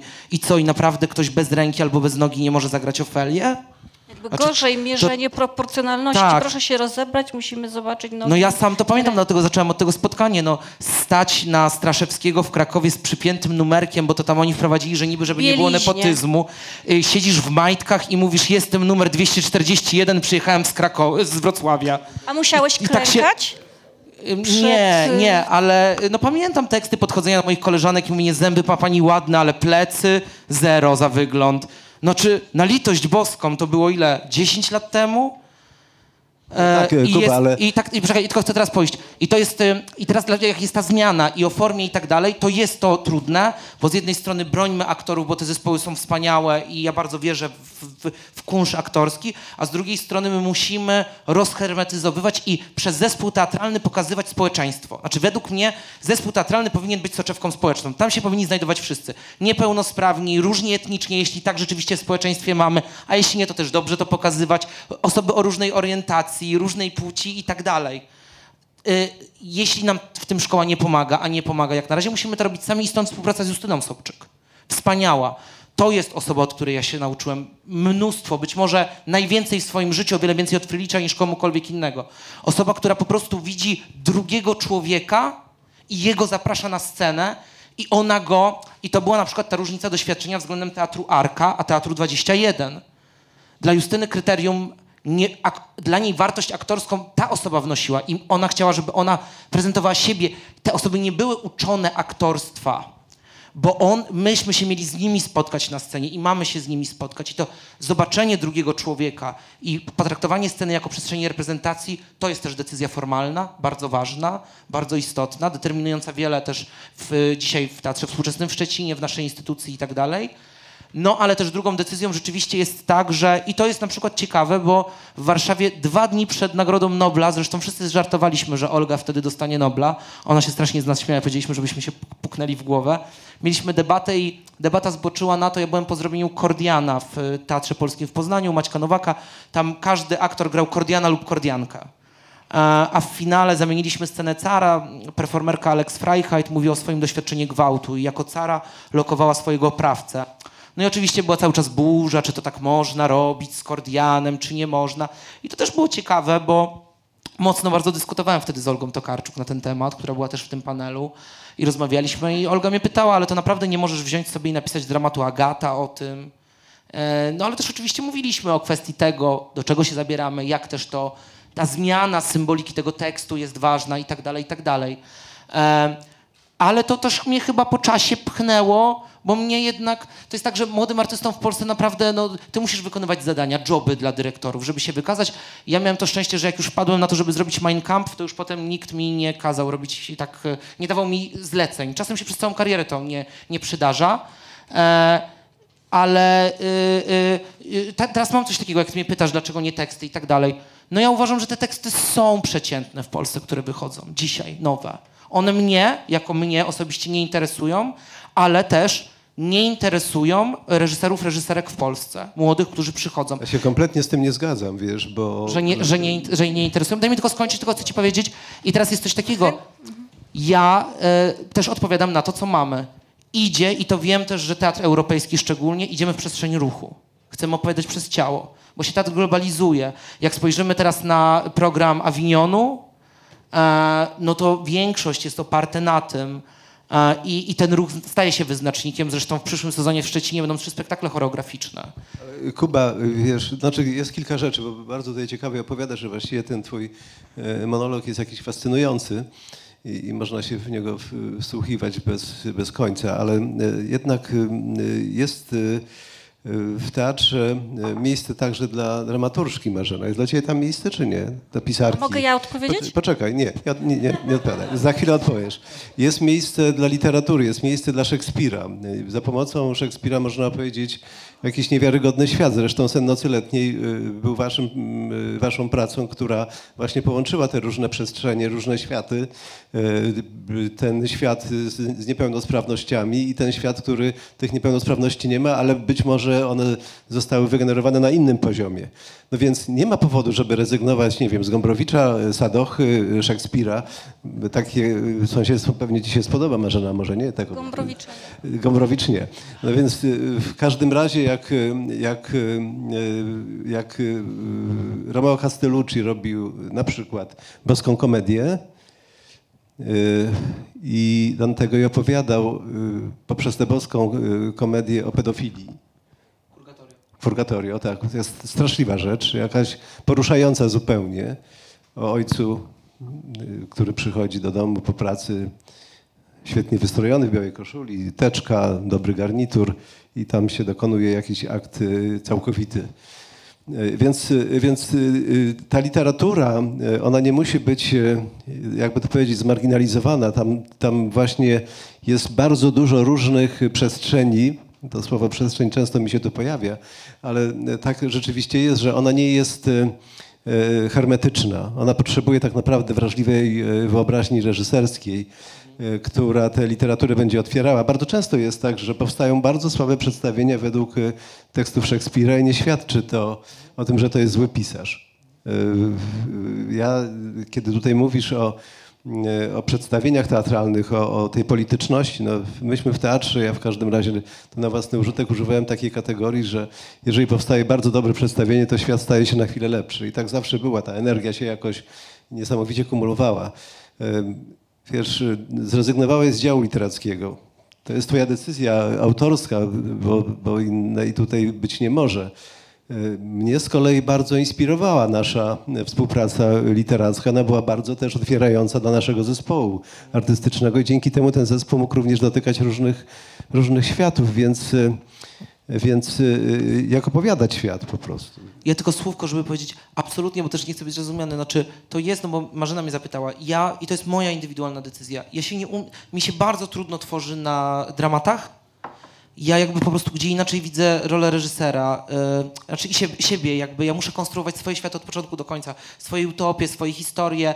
Dużo bardziej mnie stymuluje, kiedy to są e, archiwa, praca na archiwach to mnie nakręca, że się z tym mierzę, że mogę to falsyfikować, wyciągać. To to jest jakby o mnie. Y, Tak, zlikwidowaliśmy dział literacki, ale wróciliśmy i mamy dział dramaturgii, który jest o wiele szerszy, bo mamy dział właśnie, już idąc też, bo chyba wreszcie po kilkunastu latach w krakowskiej szkole teatralnej tego Wydziału Dramaturgii zaczynamy rozumieć. Myśmy zatrudnili dramaturgów w teatrze w takim stylu niemieckim, czy na razie dramaturżkę, ale, ale chcemy też robić, że oni są przypisani do projektów, są jakby pracownikami teatru, mają kompetencje i literackie, ale też takiego, chciałbym, żeby oni potrafili dramaturgicznie uczestniczyć w procesie choreograficznym, każdym innym, to znaczy ja chciałbym poszerzyć i tylko o to mi chodziło, że już nie centralny punkt, tylko literatura. I tak jak mówisz, zrobiliśmy sen nocy letniej, choć muszę ci powiedzieć, że jest to strasznie trudne, ponieważ ten teatr się zmienia, zaczynamy to traktować bardzo kontekstowo, i jest bardzo trudno pracować z autorami, autorkami, a już Którzy najgorzej... nie żyją najbardziej. Dokładnie, a już najgorzej ze spadkobiercami. No, to Jerzy, znaczy, Jerzy Pilch, jak kiedyś y, robiono jego, przedstawi- jego tekst w Teatrze Narodowym, powiedział, słuchaj, no właśnie dowiedziałem się, że najlepszym dramatopisarzem jest ten, który nie żyje. Y, I to jest... tylko byleby nie miał potomstwa. I to, i, to jest, i, to jest, I to jest norma. No to jest jednak y, najbardziej, najtrudniejsze wyzwania dla y, polskich artystów teatru i artystek były zawsze teksty y, Żeneta. Złodzieja, bandyty, y, gwałciciela, osoby, która byłaby dzisiaj wyjęta spod prawa, która ledwo uniknęła dożywotniego więzienia we Francji, tylko dzięki wstawiennictwu Cocteau i, i Sartre miał szansę pożyć i popisać ja trochę tych tekstów. ja- Na dramaturgię, ja- ja- a ja- Żenetę ja- chętnie, bo lubię, ale powiedz o ty dramaturgii, Dlatego bo to jesteś... Są Nie świetne teksty. E, No jakby tak, jak, ale e, masz rację, że nie chcą reżyserzy wystawiać e, polskiej dramaturgii i to jest ba- bardzo widoczne, e, ale oni nie chcą wystawiać tej dramaturgii, e, która jest im znana, e, która jest promowana, która jest e, drukowana, która dostaje nagrody, e, bo żeby dostać nagrodę, e, jakby jedną z ważniejszych, często jest, słyszę taki argument e, dobrze napisanej historii. Tak? Czyli Nie, ale jesteśmy. Marzena, nie, ale- a teraz a- przepraszam, Ale Pawłowski wiesz, przygotował ja. dw- dwa duże tomy antologii 20 lat wierszy. temu. I Ale przygotował. E, ja teraz odpowiadam na to pytanie o dramaturgii. E, I jest jakby świadomość tego, że tutaj w systemie coś bardzo, bardzo nawala. Że szalenie atrakcyjne są e, eseje, są fragmenty różnych dzieł, tak, czy re- reinternpretacja klasyki. E, A polskie, polscy dramatopisarze, żeby być wystawiani, piszą pełne historie i są tacy, którzy na tym wspaniale funkcjonują i żeby być nagradzanym trzeba napisać pełną historię, e, na przykład taką jak Debil, która ma jakby kilka wystawień, dostała kilka e, nagród i która jest profesjonalnie super napisana, ale mogłaby być serialem jakby równie dobrze. E, i to jest problem, który nie został w polskim systemie teatralnym rozwiązany od bardzo dawna, bo ja lubię tą historię jakby Różewicza, który napisał kartotekę, ona została wystawiona w teatrze dramatycznym. Wtedy był taki zwyczaj, że dramatopisarz musiał postawić bankiet, ponieważ to była premiera. E, A on uciekał tymi schodami w teatrze dramatycznym, nie było go stać, bo mu zapłacili pół honorarium, bo tekst był za krótki, a w ogóle to nie jest dramat. I ja sobie myślę, że tyle lat po napisaniu kartoteki, dalej to, co jest dramatem, wyznacza postaciowanie i fabuła. I trafia mnie szlak, nie? bo ja sobie, żeby odświeżyć umysł, czytam te sześć stron Hamleta Maszynę Heinera Millera i mówię, kurwa, tyle się wydarzyło w historii literatury dla teatru, a my ciągle jesteśmy w czymś, co jest kompletnie zamykające, no bo nie ma w nim miejsca dla reżysera, nie ma w nim miejsca dla ruchu, wszystko już jest opisane, wszystko jest, jest pełny świat, który sobie można przeczytać, ale bez sensu jest go robić. Znaczy to tak jest, rzeczywiście, no, e, wiecie, jest e, ogólnopolski konkurs na wystawienie sztuki współczesnej i my regularnie, znaczy, to jest też bardzo ciekawe, no, my, my od, e, od zeszłego sezonu, gdzie ja pracuję we współczesnym, myśmy zrobili co 10 spektakli, z czego mm, 8, tak, to były premiery nowych tekstów, które były pisane dla nas, albo wystawienie pierwsze polskich tekstów sztuki współczesnej. I teraz nagle jest rzeczywiście podział, ja to jest na przykładzie mogę podać. Jest Zenon Pfeiffer, który napisał Odlot i to jest właśnie, no okej, poemat dramatyczny, no taki może nie w kanonie, ale czujesz, że to jest dramat, prawda? I on jest ogólnie przyjęty, A potem Hanna Umeda z dramaturżką Darią Kubisiak pisze historię jej, gdzie ona też, y, Hanna występuje na scenie i spektakl się staje w ogóle rytuałem apostazji dla Hany. To znaczy tam jest taki, taki, mm, taki model, gdzie Hanna zamawia u naszych aktorów w, teatrze współczesnym e, rytuał apostazji. I teatr współczesny przygotowuje dla niej rytuał apostazji. I na tym polega spektakl, ale też jest napisany dramat. No i my, y, ten dramat jest odrzucony e, z konkursu na wystawienie polskiej sztuki współczesnej, ale ma dialogi, ma rolę. Jest naprawdę czymś takim, że bierzesz, bo jest, y, jest argumentacja, że y, nie przyjmujemy do konkursu, ponieważ ten dramat nie mógłby być wystawiony nigdzie indziej. Ja sobie myślę, to przepraszam, to nikt nie może w Polsce zagrać Hanny Umedy, jakby... E, e, tak, tak samo było z autokorektą, którą zrobiłem z młodzieżą. Też wyimprowizowaliśmy z Widzisz, młodzieżą więc- tekst, ale młodzież była pod imionami. I znowu, znaczy, jesteśmy w jakimś tak konserwatywnym, zgadzam się tu z tobą widzeniu, więc wiesz, może rzeczywiście tak teraz dochodzimy, tak sobie myślę, że rzeczywiście takie jakieś było takie, mm, to butne, ale to było z początku butne, bo kończy się tym, że tak naprawdę no, edukacja seksualna, która miała finał Gdyńskiej Nagrody, e, Spartakus, który teraz też e, wiem, że dostał bardzo dobrze, został spunktowany w e, ogólnopolskiej sztuce współczesnej, ale to też są takie rzeczy, że wiecie, no, że jak wysyłam już na Gdyńską, to, to Spartakus nawet nie wchodzi do półfinału, bo on ma taką konstrukcję, to jest też ciekawe, że ja robię instrukcję do scenariusza, trochę z inspiracji Lupy, jak e, robił instrukcję do improwizacji przy Faktory, trochę z inspiracji jakichś jeszcze innych dookoła i to jest punkt wyjściowy. My tworzymy to wspólnie, kolektywnie i z tego powstaje scenariusz sceniczny. I to ma dwa tomy i nikt tego nie rozumie. W jakby. Gdyńskiej się bardzo długo nic nie zmieniało, może to jest taki y, trop. Ja to jakby bardzo dobrze rozumiem, o co mówisz, ale drży mi ręka totalnie, gdybym miała napisać fabularyzowaną historię. Wstydziłabym się pod pseudonimem jakimś. Kuba Skrzywanek wypuszczę melodramat. Ale... Y, po pierwsze, no teraz tobie wypunktuję nieprawdę, bo powiedziałeś, że nie stawiasz literatury jakby w centrum. Yy, No wiadomo, że od wielkiej reformy teatralnej jakby nie chodzi o to, żeby wystawiać literaturę, a jednak sen nocy letniej, kordian i tak dalej, no to już grubszej literatury nie ma. Tylko, że ona, tak jak rozumiem, jest dla ciebie bardziej otwarta niż yy, jakby ta literatura współczesna, z którą się spotykasz. E, uważam, że mamy e, wspaniałe języki poetyckie w polskim dramacie, bardzo różnorodne. I Jola Janiczak, i Paweł No, Zaczynając od dziadów Mickiewicza może. E, I, i, I będę tego bronić stanowczo, co, co nie oznacza, że ty w swoich narzędziach po prostu odnajdujesz jakby bardziej inspirujące rejony. Ale chciałam wrócić wiesz, też do tej fontanny i do rynku we Wrocławiu, bo e, jakąś smutną refleksją chciałam zaskoczyć czy, e, Państwa. Czy Kuba Skrzywanek musiał zostać dyrektorem w Szczecinie? gdzieś tutaj bliżej jego domu na Świdnickiej nie było miejsc, w których mógł e, zostać, skoro wychował się na tym teatrze i w tym miejscu. No może musiał, nie? Ja tak się, przepraszam, nie, się nie smućmy, nie? Jakby ja jestem od dwóch tygodni ale wiesz, ja mieszkam tutaj, ja się Ja smucę. wiem, no ale rozumiem, ale może wiesz, mo, może byście mnie mieli dość od razu, nie? I mi tylko by było głupio, bo tam w Szczecinie mnie nikt nie zna, no to jak się wszyscy na mnie obrażą, to nie mam, wiecie, nie? To jest też moja super moc, to znaczy...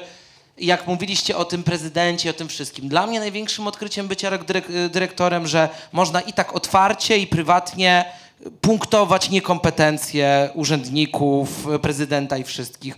I to jest super. To znaczy, y, moją supermocą jest to, że oni mnie w każdej chwili mogą wyrzucić, bo ja się nie prosiłem i nie planowałem być dyrektorem w swoim wieku. E, jak już wspomnieliśmy, finansowo mi się to średnio opłaca. E, I naprawdę mogą mnie w każdej chwili wyrzucić. Ja nie odejdę, bo ja się umówiłem z zespołem i, i nie, nie, nie pójdę im na rękę jakby w tym. Wyrzucanie tak do piątej ale- próby jest fajne. Ale, ale, ale, ale nie, ale to chcę jakby tutaj powiedzieć, a, a wiesz, no y, tak mówiąc szczerze, myślę sobie tak, że ja się bardzo cieszę, jestem super wdzięczny. Dwa tygodnie temu zaczęliśmy próby w Teatrze Polskim w Podziemiu. Nawet z próby dzisiaj do was tu przyjechałem.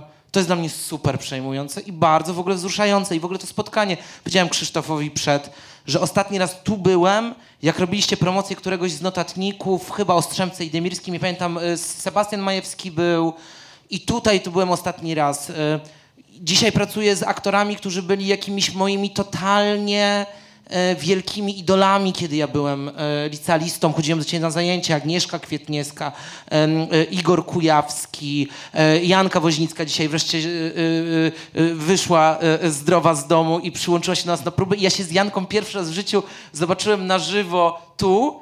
A ona mówi, no tak się poznajemy, a ja mówię, przepraszam, że tak zareagowałem, ale ja cię znam po prostu z kilkunastu spektakli, bo na niektóre chodziłem kilka razy, więc wiecie, ja zawdzięczam temu miastu bardzo dużo, Teatrowi Polskiemu. Myślę, że jest to, gdyby nie Teatr Polski, w tej też dyrekcji mm, e, wasz, tej kadencji waszej, mnie by nie było w teatrze, to było dla mnie formujące na każdym poziomie doświadczenie, życiowo, filozoficznie, emocjonalnie, wielkie. E, No i teraz super, no przychodzę do podziemia, zaraz wyremontujemy, tu, to znaczy wy wyremontujecie, bo wiem, że są osoby z podziemia, siedzibę nad Modą Polską, trzy kamienice od tego, gdzie się wychowałem, więc kolejny Nad sentyment. młodą Polską. Nad młodą, tak. Em, i, i, I to jest super i jakoś tak to, to już tak mogę trochę zdradzić, no bo yy, yy, w przyszłym roku też będę we Wrocławiu, bo Dobrze, będę co robił... robisz, co robisz w podziemiu w tej chwili? W podziemiu robimy zbrodnię i karę.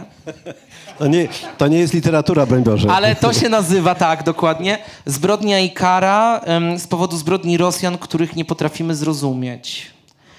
I to rzeczywiście mamy bardzo tylko, no bo oczywiście mm, to jest jak Magda mnie Piekarska zapytała, no jak już słyszę, że Skrzywanek robi zbrodnię i karę, to się zastanawia, gdzie jest cancel culture i to wszystko i tak dalej. No i to, to oczywiście, mm, to pewnie musielibyśmy na dłuższą porozmawianie, ale tak sobie opowiadamy w ogóle. Ja to, to robię w Dyptyku, najpierw robię spektakl we Wrocławiu, potem robię w Talinie. I to są dwa spektakle, które wychodzą od idei wojny, czy od kontekstu tego, co się dzieje, ale nie opowiadają o wojnie, bo my nie mamy do tego dostępu, tylko to są konteksty, które się dzieją tutaj dookoła nas. W Zbrodni i Karze będziemy rozmawiać o takiej idei, nazwijmy to ogólnie sprawiedliwości, czemu jej nie ma, czemu czujemy, że jej nie będzie i mamy się z tym okej, za popełnione zbrodnie właśnie.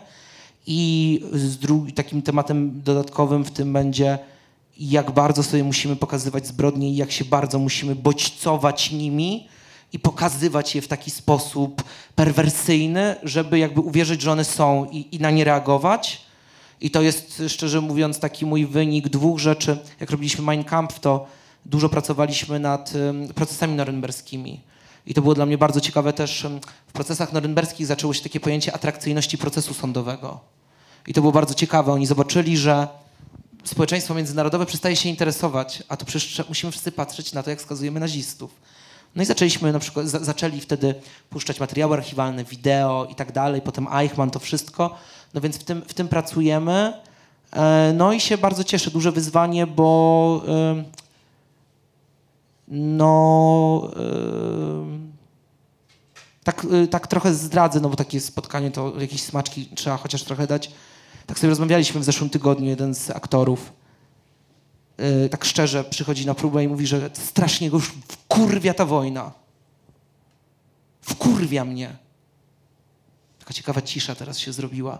To jest taka, no i co my możemy tak powiedzieć? Czy możemy dzisiaj przy pełnej świadomości polityczności, konsekwencji społecznych, gdzie jest Ukraina, gdzie jesteśmy, możemy wyjść i powiedzieć, wkurwia mnie ta wojna, niech ona się już skończy, mam to w dupie? No ale tak czujemy. No właśnie, to jest, wie- wiesz, to jest ten, e, to jest, no żyjemy w społeczeństwie winy i kary. E, Społeczeństwo winy i kary jest z jednej strony ufundowane przez, e, przez Kościół, przez patriarchat kościelny, a z drugiej strony mamy całą przecież filozofię freudowską, psychoanalizę, to też jest patriarchat, jakiś bardzo opresyjny. Równie opresyjny jak ten po tamtej stronie. I dzisiaj jest oczywiście wyzwanie, jak sobie z tymi e, hierarchiami, e, które e, tak naprawdę one konstytuowały naszą kulturę, nasz system wartości. Jak sobie z nim radzić, kiedy jakby spełnieniem tego jest dzisiaj wojna w Ukrainie. Dokładnie i tylko chcę dodać, bo to jest tak, że rzeczywiście i, i teraz u mnie w Szczecinie no równolegle, bo myśmy do Szczecina zaprosili artystki z Ukrainy, żeby one tam właśnie zrobiły o tym i jak ja powiedziałem o moich pomysłach, to mieliśmy wielką awanturę. Znaczy, to jest taki argument, że to są spektakle, które służą Putinowi. Jeśli one poddają w ogóle wątpliwość narrację, bo Putin wygrał na narrację. My, my, Wiesz, my myślimy, nie, nie, myślimy wiesz, to, e, nie, nie, nie wygrał na narrację, bo musiał e, wyprowadzić wojsko, żeby ujarzmić wolność e, in, inaczej myślących ludzi, którzy tworzą swoją podmiotowość od jakiegoś czasu. Y, Jesteś sarną na ich polowaniu. Tylko, że, tylko, że nie, nie, nie, nikt nie, nie, nie rozmawiamy, przynajmniej nie rozmawiamy, bo nie ma innych wyborów o tym, że, in, że, że istnieje jakakolwiek inna odpowiedź na to, co się dzieje w Rosji, jak zbrojenie się na potęgę. To znaczy, jeśli dzisiaj już jest tak i my to wiemy, że potencjał militarny NATO jest kilkukrotnie razy większy od potencjału militarnego Rosji, to dlaczego mamy wydawać 2, 3 czy nawet 4% PKB naszych budżetów na kolejną broń? Bo gdzie ona pójdzie za 30 lat? Ona nie pójdzie na złom. Trzeba będzie sobie znaleźć nową Syrię, coś takiego. I na przykład spektakl bardziej na ten temat robię w Estonii właśnie, bo to powstaje w Dyptyku. No i tam jest jeszcze gorzej, ponieważ no tam miałem już taką mocną awanturę też z... ym, ja mam tam szczęście, bo też jestem tam kuratorem tego, co, co robię, więc jakoś tam nikt mi nie może też tego zakazać, ale tam są ogromne wątpliwości, że no bo Estonia jeszcze bardziej się boi przecież wojny od nas. I tam jest w ogóle takie, znaczy, że to teraz nie jest czas, że nie można w ogóle tego podawać w wątpliwość, zbrojenia się tych wszystkich. A ja mówię, ale właśnie, właśnie nie wyobrażam sobie, że tego nie będziemy robić. Jakby oczywiście pierwszorzędne jest, musimy pomóc Ukrainie wygrać wojnę. Nie ma dwóch zdań. Od tego powinniśmy pewnie zaczynać każde zdanie. Wszyscy się tutaj, mam nadzieję, na to zgadzamy. I to jest istotne, ale, ale ja, ja się boję, jak słyszę na spotkaniu Tomasza Domagałę, który mówi, że musimy zacząć uczyć ludzi, czy, czy teatr musi zacząć przygotowywać ludzi na to, że zaraz będą musieli strzelać do innych ludzi, no to ja jestem przerażony. Jakby... No wiesz, bo to jest też taka sytuacja, y, y, czytam teraz taką książkę y, Londyn 67 Piotra Szaroty.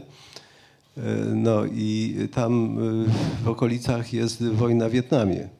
I, I wówczas również zastanawiano się, czy ta wojna powinna być prowadzona. Pacyfiści wtedy y, ujawnili się ze swoim y, myśleniem o pokoju, o zaprzestaniu y, wojny. Zwróćcie Państwo uwagę na to, że dzisiaj nikt nie mówi o pacyfizmie. Pacyfizm jest jakąś marginalną i w ogóle nie, niedorzeczną nawet z punktu widzenia sytuacji politycznej, jaką mamy na granicy polsko-ukraińskiej, y, y, narracji. W związku z tym trzeba się zastanowić, jakimi wartościami ma się świat y, y, kierować, co jest dla nas ważne. Wina, kara, odwet, resentyment, y, zemsta. Y, Abrams kosztuje 44 miliony. Jedna sztuka. Y, Dotacja dla Teatru Polskiego, panie dyrektorze, nie ma 20 milionów chyba. Prawda? No A ile? więc- Za- To ja powiem Państwu, że my mamy 7 milionów, trzy sceny, 103 pracowników. A ja powiem, że za chwilę musimy kończyć i oddam głos jeszcze publiczności, żebyśmy e, zdążyli naprawdę z publicznością porozmawiać. Jakby dalej jakby patrząc na ciebie, nie satysfakcjonują mnie te dwa po- pobyty e, we Wrocławiu ewidentnie. Wiesz co mówią większości dyrektorzy teatru w Polsce? Jakby o wojnie nie chcemy robić, bo ludzie są zmęczeni, wojny nie będą na to przychodzić. No tak samo nam mówili, jak podejmowaliśmy temat psychiatrii dziecięcej. No wiecie, no, trzeba być pewnym konsekwencji i oczywiście to są ryzyka.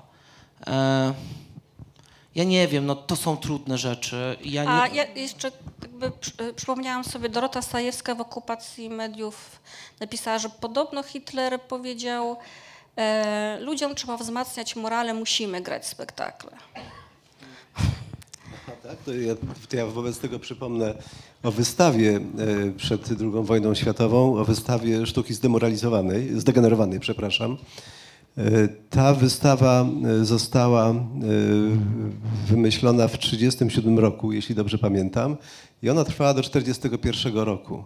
W historii jest to największa i najbardziej spektakularna sztuki współczesnej jaka miała miejsce w Stanach, w Europie, gdziekolwiek indziej. No więc a jednocześnie ta wystawa przecież prezentowała i Picassa, i impresjonistów, ekspresjonistów i tak dalej, i tak dalej. No więc y, takie dziwne... Znaczy są- to jest, wiesz, tutaj trafiłeś akurat w moje pole, bo ja pisałem z tego pracę magisterską, ale to pisałem ją trochę dla siebie, bo rzeczywiście ja się też tylko strasznie boję. To Ania zawsze mówi taki, że ma lęk tych tematów, które ja podejmuję i tak dalej, że to może być użyte i wykorzystane. Ja zawsze odpowiadam Ani, że tak samo twoje dziady i twój Wyspiański może być użyty i wykorzystany i jest też często, ale y, napisałem właśnie ze sztuki politycznej i starałem się sam znaleźć taką granicę, co robić, czy jak tworzyć, żeby, żeby ta sztuka polityczna nie stawała się tubą propagandową, czy nie służyła złu, powiedzmy tak bardzo ogólnie i jakieś to jest strasznie oczywiście trudne. Em, No ja wierzę, że jest jakaś, jakieś są narzędzia, pracujemy nad nimi, mierzymy się z nimi, ale, ale to jest wielkie też takie, dlatego, dlatego o wartościach i etyce musimy też dużo bardzo rozmawiać i, i czuję, że coraz więcej rozmawiamy, to jest super. Jak, właśnie zacząłem od tego, no jest ta różnica, wiecie, na Węgrzech teatr uciekł, Arpad Schilling jest na emigracji, inni też, artyści. Ja sam pamiętam, że w pierwszych latach już jak był Orban, byłem zaproszony na tydzień dramatu węgierskiego. I dostałem coś, co naprawdę zadzwoniłem do Piotra Kruszczyńskiego, bo to było w Teatrze Nowym w Poznaniu i zapytałem, czy to jest, czy, czy on mnie wkręca. Byłem studentem drugiego roku i to było dość bezczelne. I on powiedział, że nie rozumiem. Powiedziałem, no bo to jest tak złe, co mi państwo wysłaliście, że to naprawdę jakby mam to A to zrobić? świadczy o tym, że masz poziom e, literatury Znaczy- dramatycznej polskiej. Nie, nie, nie, nie, okej, nie, nie, tak, no na pewno, ale to też było coś takiego, że rzeczywiście tam oni nagle zaczęli chcieć promować i tam jest tak, że wielu artystów, artystek, oczywiście jest cały czas część, która działa na Węgrzech, ale oni z, um, zreiterowali, znaczy oni poszli na coś takiego, co nas też PiS chciał złapać, czyli że my będziemy teraz taką właśnie robić sztukę ku pokrzepieniu, bezpiecznie, na literaturze, na wielkich dziełach i tam się to wydarzyło. My jesteśmy 7 lat później, niestety mam kilkudziesięciu znajomych, przyjaciół, przyjaciółek, którzy musieli odejść z zawodu, dla których nie było miejsca. Dzisiaj dostaliśmy, z tego nawet jesteśmy jakoś dumni, trzynasty projekt ministerialny odrzucony z rzędu, jako teatr współczesny w Szczecinie, edukacyjny. Dostajemy wszystko poza projektami ministerialnymi. Ja też jestem na czarnej liście ministerialnej, dlatego mówię, że mam to doświadczenie i tego się dowiedziałem przy okazji, jak próbowano mnie zaprosić do Bukaresztu na I spotkanie. naprawdę jest taka lista, również stypendialna. Tak, tak, tak. Więc, więc, ale to jest duma być na jednej liście z Olgą Tokarczuk, więc zawsze się śmiejemy z tego, że to jest super, że to jest jakiś taki klub, który akurat nas, e, nie lubię elitarnych klubów, ale myślę, że ten jest akurat fajny. To, to, to, to myślę, że, że to jest tak, no, no ale nie wiem, no, jest, jest to trudna sytuacja, która tutaj będzie, ale jakoś wierzę, że nie wiem, co się musi wydarzyć, bo jakoś strasznie mnie dużo rzeczy denerwuje w naszej, w naszym horyzoncie politycznym, ale jakoś wierzę w tą jesień, że ona jednak coś odmieni. Ale mam nadzieję, że więcej niż powrót do tego, co było. Nie, nie Władysław Zawistowski napisał nie, taki koniec. poemat Powitanie Nie. jesieni. Okej. E, I tak już rozgadaliśmy się bardzo długo, jesteśmy jakby po e, czasie spotkania. Ja tylko przypomnę, że e, Kuba jest bohaterem, e, jednym z bohaterów naszego nowego numeru, który tutaj można kupić przez internet w różnych miejscach w Polsce. E, Zapraszamy do tego, to też bardzo dla mnie miłe, że, że jesteś w tym gronie. I kiedy robiłam sondę, kto powinien być, E, jakby bardzo wiele osób wskazywało, że jakby must have e, Kuba Skrzywanek i to jest kurczę jakaś cezura artystyczna i biograficzna również. Jakby bardzo dobry jakby czas, bardzo dobry okres. Niech on się jakby rozlewa i przyjdzie jesień zwycięstwa. Dzięki, ja wam bardzo gratuluję w ogóle, że notatnik wrócił. To jest super. To jest tak e, też dziękujemy bardzo. bardzo, to jest w ogóle niesamowite, że w momencie, jak się... Brawa dla dyrektora. charakter dla nas. To jest taka przestrzeń, że jak się wszystko zamyka i coś się otwiera, to jest w ogóle... e, Jak Marzenia do, do mnie za, zadzwoniła, to właśnie powiedziałem, że to jest chyba pierwsza dobra informacja w tym tygodniu, którą usłyszałem i byłem bardzo szczęśliwy i się, to jest super też dla nas ważne, dla środowiska. No i wam bardzo dziękuję w ogóle za to spotkanie i państwu. E, no też, e, że przyszliście w poniedziałek tak licznie i to jest super. I dzięki bardzo wam. Do widzenia.